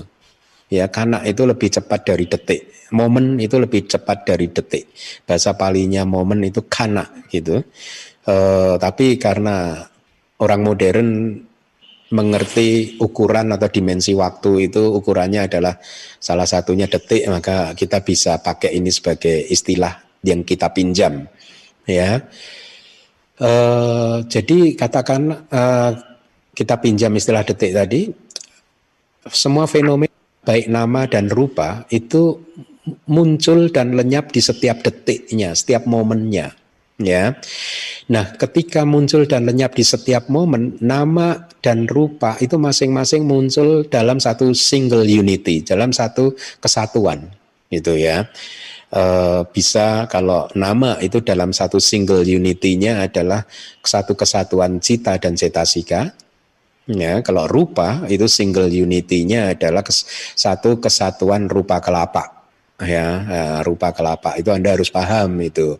Jadi itu yang pertama harus dipahami. Nah, karena nama dan rupa itu muncul dalam single unity yang kesatu kesatuan yang seperti itu tadi, maka eh, Anda tidak bisa memahami paticak samupada itu langsung dipukul rata aja Uh, ini kan semuanya nama dan rupa, Wedana juga nama rupa, nama, Tanha nama, Upadana nama, dan seterusnya. Tidak bisa seperti itu karena kenapa? Kalau memahaminya seperti itu, maka itu menjadi jauh dari akurat, tidak akurat gitu ya. Karena sesungguhnya di setiap momen yang terjadi adalah ya begitu seperti di rumus Padicca Samupada itu, Awija Pacaya Sangkara, Sangkara Pacaya dan seterusnya begitu. Memang benar bahwa sang Awija, Sangkara, Winyana semuanya itu nama rupa gitu. Tapi nama rupa tidak muncul dalam satu grup yang besar Nama rupa muncul dalam satu single unity yang seperti itu tadi, gitu ya. Jadi eh, eh, apa?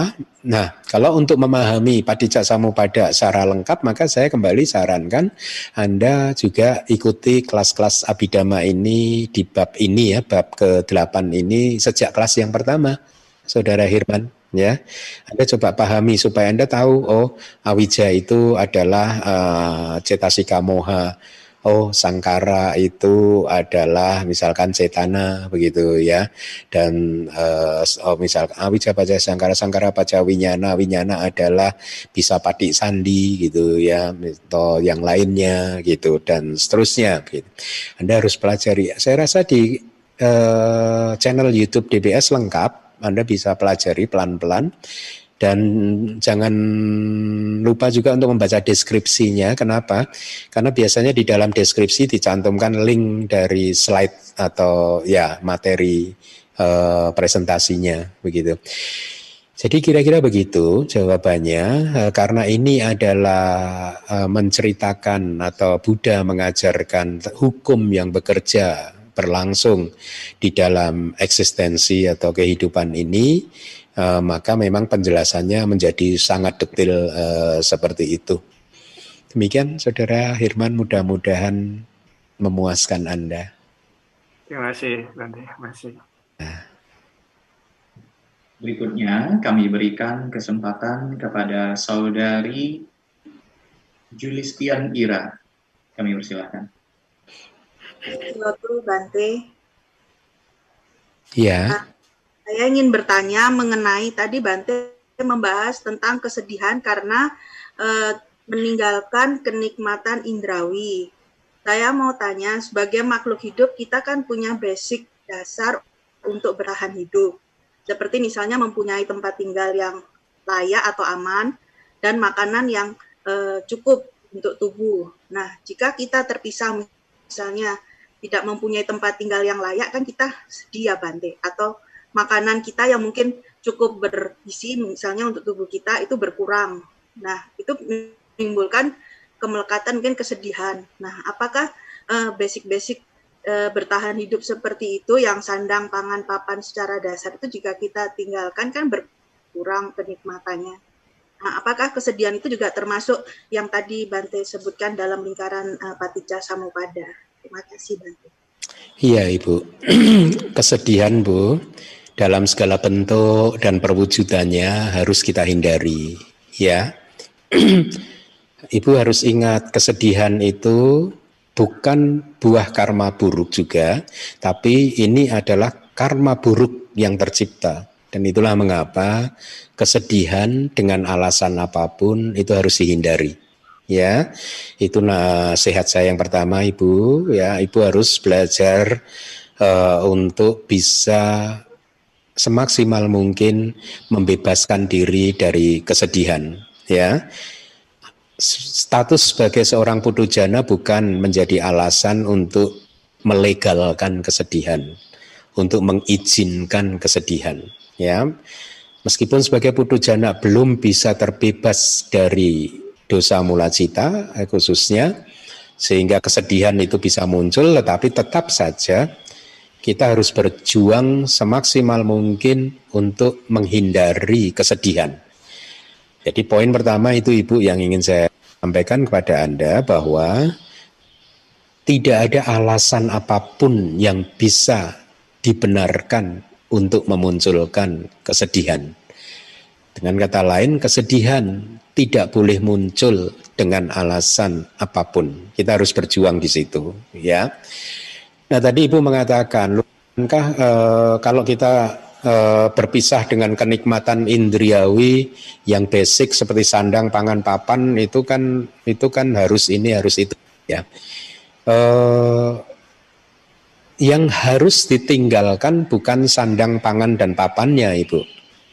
Yang harus kita tinggalkan adalah kesedihannya gitu. Jadi dengan dalam artian kalau Ibu tadi mengatakan makanan yang tadinya bisa mendapatkan makanan yang bergizi sekarang tidak, itu pun juga bukan alasan untuk melegalkan, mengizinkan kemunculnya kesedihan gitu ya. nah, eh, ibu memahaminya harus begini. Kalau ibu sedih karena berpisah dengan sandang pangan papan misalkan tadi yang disebutkan ya, Ibu harus memahaminya bahwa kesedihan itu muncul bukan karena ibu kehilangan sandang pangan papan. Kesedihan ibu itu muncul karena ibu masih mempunyai noda-noda batin tadi yang diajarkan di dalam Padijak Samupada. Ya. Nah, karena ada noda-noda batin itulah maka kesedihan muncul. Dan karena kesedihan muncul maka awit bisa saja muncul dan akhirnya ibu akan melakukan perbuatan-perbuatan yang buruk melalui awija pacaya sangkara. Reaksi-reaksi yang buruk itulah sangkara gitu ya. Nah, sangkara ini bisa menjadi karma produktif Ibu. Kalau kesedihan Ibu itu menjadi karma yang produktif yang menghasilkan kesadaran penyambung kelahiran kembali, maka kesedihan ibu akan bisa menghasilkan kelahiran kembali di alam-alam yang bawah atau alam apaya atau alam yang tanpa kebahagiaan, alam yang penuh dengan kemalangan yaitu either di neraka, peta, asura atau binatang. Jadi ibu harus berpikir sejauh itu bahwa kesedihan ini resikonya itu sangat besar ya. Jadi poinnya bukan karena sandang pangan papan yang akhirnya memunculkan kesedihan, tetapi kesedihan itu muncul karena masih ada noda-noda batin. Nah, lalu bagaimana Banti kalau kita berpisah dengan sandang pangan dan papan? Ya, Ya kita harus menggunakan banyak, ada banyak cara sih Ibu ya bahwa salah satu cara misalkan gitu bahwa sesungguhnya kebahagiaan kita atau penderitaan kita tidak ditentukan oleh sandang pangan dan papan, Bu. Ya, saya selalu dulu kalau uh, memotivasi murid-murid saya di di DBS, seandainya kebahagiaan itu tergantung pada sandang pangan dan papan atau bahkan kebahagiaan itu tergantung pada suami atau istri, maka para biku atau saya tidak akan pernah bisa bahagia, Ibu. Karena bahkan saya juga tidak mempunyai apa-apa, ya, juga tidak punya istri dan lain sebagainya, begitu. Tetapi justru saya tidak ingin mempunyai itu. Nah, aneh kan, Bu? Saya tidak ingin mempunyai kepemilikan apa pun dalam segala bentuk apa pun. Aneh kan, Bu? Artinya, ini saya memberikan gambaran kepada Ibu bahwa sesungguhnya masalahnya itu bukan di apa yang semua ibu sebutkan tadi, ini masalahnya adalah di tingkat kebijaksanaan kemudian. Jadi tingkatkanlah kebijaksanaan ibu dengan ber, jangan pernah berpikir kalau sandang, pangan, papan berkurang maka hidup ibu menderita, jangan. Ya, karena kebahagiaan dan penderitaan tidak pernah bisa ditentukan oleh sesuatu selain uh, sikap mental kita, gitu. Ya, jadi kebahagiaan, penderitaan itu ditentukan oleh sikap mental kita, sikap pikiran kita, gitu. Kalau mental kita itu sikapnya positif, baik, bijaksana, maka di mana pun kita akan merasa damai. Tapi kalau sikap mental kita itu negatif, maka di mana pun ya kita akan selalu find fault, akan ketemu kesalahan. Ya, saya pernah sampaikan ke seseorang itu, loh, anda itu gimana? Berada di satu tempat bertengkar, pindah ke tempat lain bertengkar lagi, berada di satu tempat lagi merasa tempatnya ini nggak benar, terus tempat pindah ke tempat lain tempat ini nggak benar lagi, tempat pindah lain tempat ini nggak benar lagi gitu. Jadi yang tidak benar itu teman-teman anda, tempat tinggal anda, atau kondisi batin anda gitu. Ya. Jadi kalau batin ini istilahnya membawa sesuatu yang berbau busuk istilahnya, maka ke mana pun kita tinggal kita akan merasa tempat ini baunya Ya, itu harus dipahami, Bu. Jadi semua itu karena kilesa. Ya, kalau kita sering bertengkar dengan teman, dengan keadaan apa pun, itu karena kilesa. Dan harus dipahami bahwa itu sesungguhnya adalah sesuatu yang bisa kita hindari gitu ya. Sesuatu yang bisa kita hindari. Artinya sesuatu yang tidak harus terjadi. Harusnya tidak terjadi gitu. Ya. Nah jadi begini saya ulangi lagi. Kebahagiaan penderitaan tidak ditentukan oleh apa pun selain sikap mental kita gitu. Nah oleh karena itu sebagai seorang umat Buddha latihan kita adalah melatih batin kita, pikiran kita, mental kita ini untuk bisa mempunyai sifat kebiasaan yang bagus, yang positif, ya.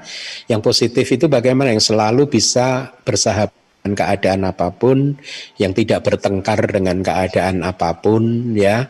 Uh, itu yang harus kita latih. Oleh karena itu, saya teringat dulu saya sempat membuat satu uh, quote itu kira-kira begini Bu, ini quote yang pernah diedarkan oleh DBS itu begini. Karena ini berkaitan dengan kebahagiaan. Uh, rahasia kebahagiaan gitu ya. Bayangkan seandainya kemarin kita makan pepaya dan rencananya besok kita akan makan durian. Tetapi saat ini hari ini yang ada di depan kita hanya mangga dan kita harus makan mangga. Kebahagiaan kita itu ditentukan pada seberapa besar keterampilan kita untuk menikmati mangga ini. Ya. Kalau kita pandai menikmati mangga yang ada di depan kita, maka kita akan damai dan bahagia. Ya. Kalau kita ketika di depan kita ada mangga, tapi yang ada di pikiran kita, kerinduan kita adalah pada pepaya yang kemarin dan durian yang besok, maka itulah yang disebut penderitaan. Ibu. Nah jadi sesungguhnya siapa pun manusia dengan kualitas apa pun, status sosial apa pun, tingkat pendidikan apa pun, profesi apa pun, siapa pun manusia, siapa pun tanpa terkecuali, itu sudah mempunyai modal yang cukup untuk bisa damai dan bahagia. Modalnya cukup, tidak kurang. Saya mempunyai yang cukup, Anda pun juga mempunyai modal cukup. Tidak ada satu makhluk pun yang manusia pun yang modalnya kurang untuk bisa damai dan bahagia. Semuanya sudah cukup karena apa? Semuanya sudah punya sesuatu yang ada di depan mata kita, yaitu mangga kita itu tadi. Ya, jadi kita harus bisa menerima keadaan yang ada di depan kita, ya, dengan lapang dada dan kita harus melatih keterampilan batin kita untuk bisa menikmati apa yang ada di depan kita. Ketika makanan kualitas makanan harus berkurang, jangan merindukan makanan yang kemarin-kemarin. Jangan. Jangan juga berkhayal mengimpikan makanan yang seharusnya makanan ini besok begini dan begitu. Apa yang ada di depan itu yang Anda nikmati, kembangkan rasa syukur, kembangkan sabaran, kembangkan rasa sukacita untuk menikmati apa yang anda punya saat ini. Jadi semua manusia itu mempunyai modal yang cukup, tidak kurang untuk bisa damai dan bahagia. Ya. Justru ketika ada manusia yang menginginkan sesuatu yang dia tidak punya, menginginkan sesuatu yang tidak ada, maka itulah penderitaan. Ketika ada di satu tempat A merindukan tempat B, ketika dipindah ke tempat B merindukan kembali tempat yang A. Itulah batin yang menderita itu ya kayak gitu itu. Di mana pun dia berada, dia akan selalu menemukan kesalahan-kesalahannya. Ibu sekarang mungkin menemukan kesalahan makanan tadinya itu bergizi jadi tidak bergizi. Tetapi nanti ketika makanan itu menjadi bergizi, juga tidak ada jaminan ibu akan damai dan bahagia selama batin dan mental ibu tidak bisa menikmati apa yang ada gitu. Jadi oleh karena itu latihannya adalah ibu latihlah batin ini untuk bisa uh, menerima keadaan apa pun dengan lapang dada dengan pemahaman bahwa sesungguhnya ibu sudah mempunyai cukup modal untuk bisa damai dan bahagia gitu. Demikian ya Ibu, mudah-mudahan Ibu bisa damai dan bahagia. Terima kasih. Sama-sama. Ya, berikutnya kami berikan kesempatan kepada Saudari Ermawati. Kami persilakan. Mau budaya Bante. Nama saya Ermawati dari Palembang. Hmm. Saya ingin bertanya satu satu pertanyaan yang paling ini penting buat saya. Kita belajar Paticca Samupada ini di, dikatakan saya do saya do di Myanmar latih objek meditasinya Paticca Samupada nanti. Nah, kalau benar itu yang di diajadikan objek meditasi yang kita amati itu apa ya Bante? Uh, Dalam hal untuk tak sama pada itu objek meditasi. Ya, katanya diamati paticca samupada saya pernah dengar. Uh, saya pernah dengar itu yang diamati itu waktu meditasi itu adalah paticca samupada. Kalau memang paticca samupada kita amati itu yang kita amati apa ya Bante? Bisa oh. kasih clue sedikit dalam meditasi. Oke oke oke oke. Suara. Terima kasih. Baik. Suara terputus-putus, tapi mudah-mudahan saya menangkap pertanyaan Anda dengan benar ya. Jadi ditanyakan Padicak Samupada itu uh, jadi objek meditasi kita. Lalu apa yang kita amati di dalam Padicak Samupada? Yang kita amati adalah yaitu tadi Bu, semua link itu. Jadi realitas hati kita. Ya. Bagaimana misalkan uh, biasanya itu uh, oh, ada suara ya. Apakah suara saya bisa didengar? Bisa bantu. Oh bisa ya, oke, baik, terima kasih. Nah, eh, biasanya di dalam pengamatan itu eh, itu tergantung tingkat konsentrasinya, ya. ketika konsentrasi itu menengah kuat katakanlah begitu ya hmm, maka dia bisa kita yang yogi yang berwipasana itu bisa mengamati link yang mana pun bu biasanya begitu ya awalnya ketika konsentrasi belum melemah maka yang eh, belum begitu maksimal maka yang muncul adalah kayak eh, eh, apa potongan-potongan dari link-link di dalam padijak samupada gitu ya. Potongan itu maksudnya begini. Bisa saja pada satu masa tiba-tiba Anda mengamati munculnya karma ya. Karma masa lalu katakanlah diamati ya. Eh, ketika Anda mengamati karma Anda yang masa lalu ya, kemudian Anda bisa menemukan cetananya gitu ya. Uh, kemudian setelah cetana tersebut ketemu, maka uh, Anda akan segera bisa menemukan bahwa itu didorong oleh awija, gitu.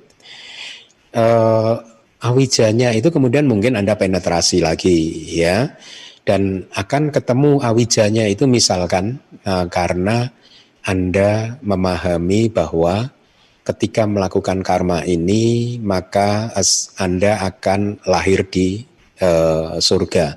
Atau bahkan ketika Anda melakukan karma tertentu misalkan mempersembahkan bunga ke Buddha Rupang ada sedikit pikiran terbersit bahwa Anda uh, apa mengucapkan aspirasi karena Anda ingin menjadi biku lagi. Anda ingin lahir lagi sebagai manusia dan tidak hanya lahir sebagai manusia, Anda ingin lahir sebagai manusia yang secepat mungkin menjadi biku ya ketika uh, pemikiran seperti itu itu anda uh, sudah bisa tembus kemudian tiba-tiba anda melihat bahwa di situ ada satu faktor mental ya yang membuat anda lupa bahwa sesungguhnya itu tidak ada manusia yang menutupi fakta itu ya bahwa sesungguhnya tidak ada manusia gitu yang membuat anda lupa bahwa sesungguhnya tidak ada biku gitu Bahkan yang membuat Anda lupa bahwa sesungguhnya juga tidak ada Buddha, tidak ada bunga yang dipersembahkan gitu. Yang menutupi itu semua.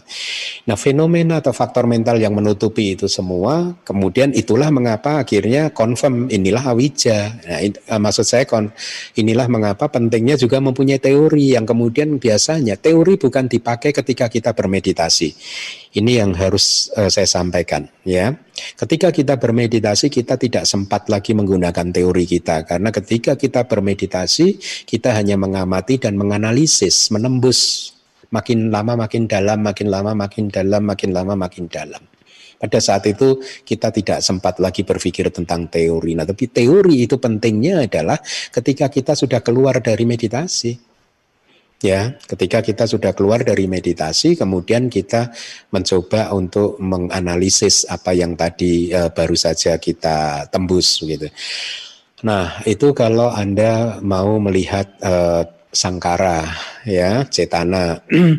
Atau kadang Anda bisa melihat misalkan uh, wedana misalkan ya. Pada satu saat Anda mengamati wedana gitu. Dan pada saat itu Anda akan pelan-pelan prosesnya akan seperti itu lagi. Wedana ini munculnya dari mana gitu. Gitu ya. Dan Anda akan melihat oh karena ada uh, landasan yang membuat kemunculan kesadaran maka wedana itu muncul gitu ya. Jadi sebab kemunculan wedana pun akhirnya juga anda ketahui. Nah itu berlangsung terus menerus begitu sampai eh, misalkan semakin kuat konsentrasi anda semakin kuat samadhi Anda, maka uh, roda eksistensi akan menjadi semakin jelas terlihat rangkaiannya. Tidak hanya satu link demi satu link, tetapi bisa mengamati beberapa link atau bahkan satu link yang utuh bagaimana Awija Bajaya Sangkara, Sangkara Bajaya uh, Winyanang dan seterusnya sampai berputar-putar terus seperti itu. Itu terjadi bahkan ketika yogi bisa uh, mengamati agregatnya yang masa lalu ya. Agregat yang di kelahiran-kelahiran lampau. Bagaimana kelahiran yang persis sebelum ini menyambung dengan agregat yang persis di kelahiran kita yang masih kita punya saat ini begitu. Itu akan jelas terlihat jadi semua yang kita amati adalah realitas hakikinya Bu bukan konsepnya itu yang harus saya sampaikan bahwa meditasi vipassana tidak mengamati konsep Konsep itu apa sih? Konsep itu adalah apa pun selain cita, cetasika, rupa. Nibana kita exclude ya karena nibana bukan objek wipasana ya.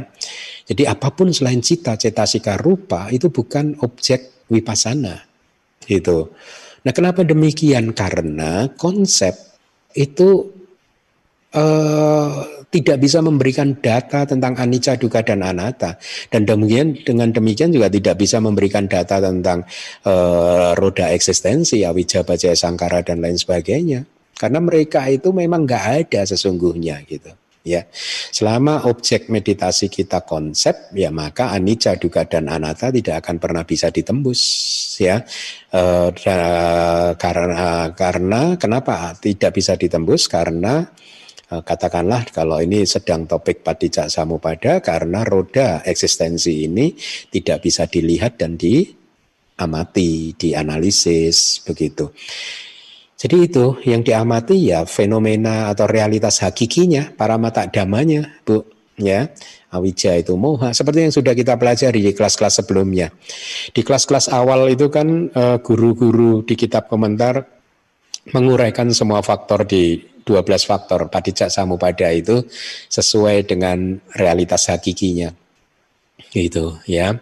E, saya harap tabel yang kita bagikan ada di deskripsi dari video. Mungkin Ibu bisa temukan di deskripsi video biasanya ada e, dicantumkan tabel-tabelnya juga, Bu. Jadi itu akan mempermudah e, Anda untuk bisa memahami sebenarnya 12 faktor padicca samupada itu apa saja sih yang harus uh, realitas hakikinya apa saja sih ketika Anda sudah paham realitas hakikinya ya itulah yang diamati nanti gitu demikian mudah-mudahan menjawab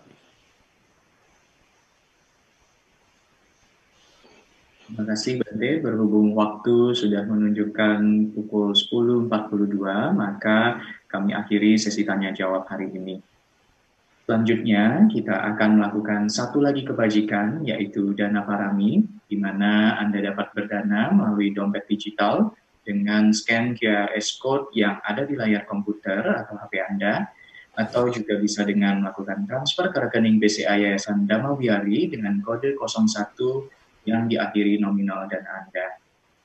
Barcode QRS ini pun bisa difoto dan di-save di handphone Anda supaya Anda bisa melakukan dana kapan pun dan di mana pun Anda berada. Kami ingatkan kembali untuk tidak meninggalkan kelas online ini terlebih dahulu sebelum Bante meninggalkan kelas. Atas perhatian dan kerjasamanya kami ucapkan terima kasih. Dengan penuh sukacita dan pemahaman yang benar tentang berdana, mari kita siapkan batin kita untuk melakukan kebajikan melalui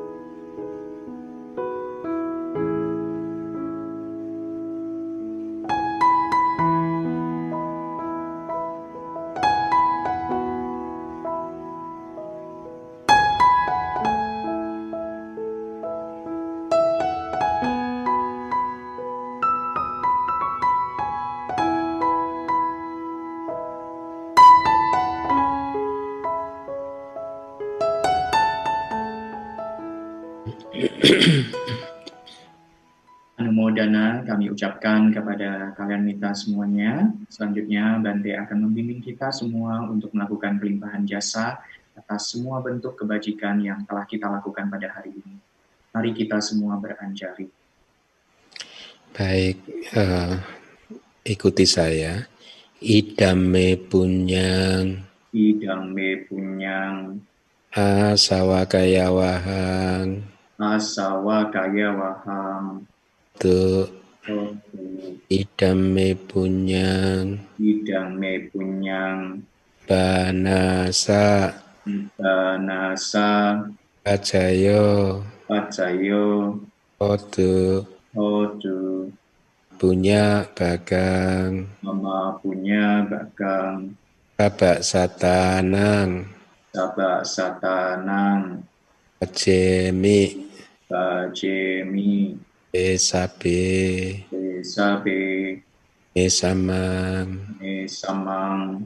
Ya bagang. Ya bagang. Bantu.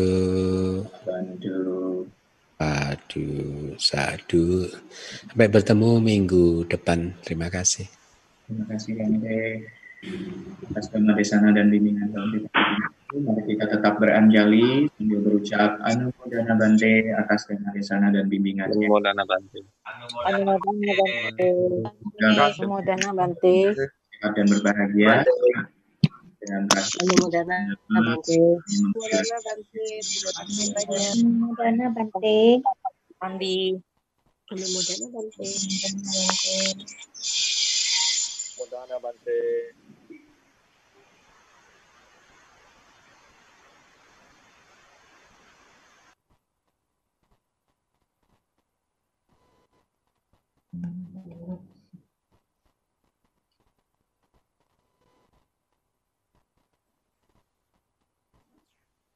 Demikianlah kelas Abidama DBS online hari ini. Sebelum mengakhiri kelas hari ini, izinkan kami untuk kembali membacakan beberapa pengumuman. Pengumuman pertama, dalam rangka Hari Abidama DBS, di mana DBS akan menyelenggarakan lomba karya tulis ilmiah populer, di mana karya yang diperlombakan adalah berupa tinjauan pustaka atau literature review ya syarat dan pendaftaran dapat dilihat de, ataupun langsung klik uh, link tautan yang ada di layar Anda di mana pendaftaran akan ditutup pada tanggal 31 Juli 2020. Dengan segera akan terbitnya buku Manual Abidama Bab 7 volume kedua ajaran tentang realitas hakiki dari Yasin Keminda, kami tetap membuka kesempatan bagi kalian mita yang ingin berdana dengan kode 23 batas akhir 25 Oktober 2020. Selanjutnya, di mana yang kita sudah ketahui, DBS sudah membuka kelas bahasa Pali yang dibimbing oleh saya Lai Kemanyani. Kelas ini dimulai sejak tanggal 12 Juli lalu, yang kelas ini diselenggarakan melalui Zoom setiap hari Minggu 18.30 sampai 20.30 waktu Indonesia Barat. Sebagai informasi, kelas, info, uh, kelas ini juga baru memasuki kelas 3, kelas yang ketiga dengan peserta yang hadir kurang lebih 200 peserta. Jadi bagi kalian mita yang belum mendaftarkan diri dapat segera daftar melalui registrasi yang ada di layar Anda ataupun dengan scan eh, QR code yang ada di layar tersebut. Karena kesempatan ini merupakan pengetahuan lintas kelahiran yang buahnya amatlah besar dengan belajar bahasa Pali, maka kita tidak lagi tergantung orang lain dalam memaknai suta yang kita baca. Berikutnya, untuk dana buku penjelasan Sutanta yang keempat, kami buka kesempatan untuk berdana dengan kode 33, batas akhir 23 Agustus 2020. Dengan hadirnya DBS selama empat tahun ini, harapan kami DBS memberikan manfaat yang dapat dirasakan oleh seluruh umat Buddha di pelosok Nusantara. Dan kami uh, kembali mengajak Kalemita untuk bergabung dalam komunitas penyokong ajaran Buddha dengan membantu mendanai operasional DBS. Dana rutin dapat dilakukan dengan mentransfer dana ke rekening Yayasan DBS yang tertera di layar Anda saat ini. Berikutnya, kami informasikan juga salah satu cara mudah untuk berdana melalui dompet digital, yaitu GoPay, yang sudah dimiliki oleh DBS. Caranya cukup dengan scan QRS code yang ada di bagian kiri layar Anda, dan untuk kode dana detailnya ada di bagian kanan layar Anda. Kami juga dengan bahagia ingin informasikan bahwa telah terbit buku 9 Sifat Agung Buddha edisi kedua yang diperbarui, di mana bagi kalian yang membutuhkan buku ini dapat menghubungi Sekretariat DBS di nomor yang tertera di layar Anda. Pastinya, jangan lewatkan kelas Pariyati Sasana besok pada hari Minggu tanggal 26 Juli 2020, di mana Besok Asin Keminda akan membahas khotbah dari Buddha yaitu khotbah tentang belenggu yang dinamakan nafsu kehausan, Tanha Samyo Janasuta, melalui Zoom dan live streaming YouTube. Jadi jangan sampai ketinggalan ya besok.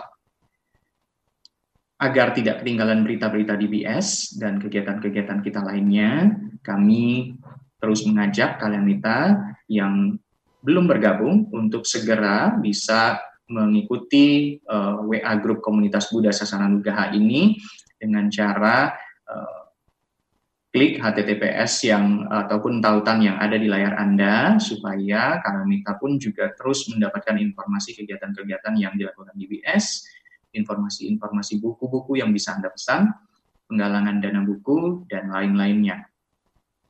Terakhir, jangan lupa untuk follow, subscribe, atau like YouTube, Facebook, dan Instagram DBS supaya tidak pernah tertinggal berita-berita apa pun kegiatan yang ada uh, yang akan dilakukan oleh DBS.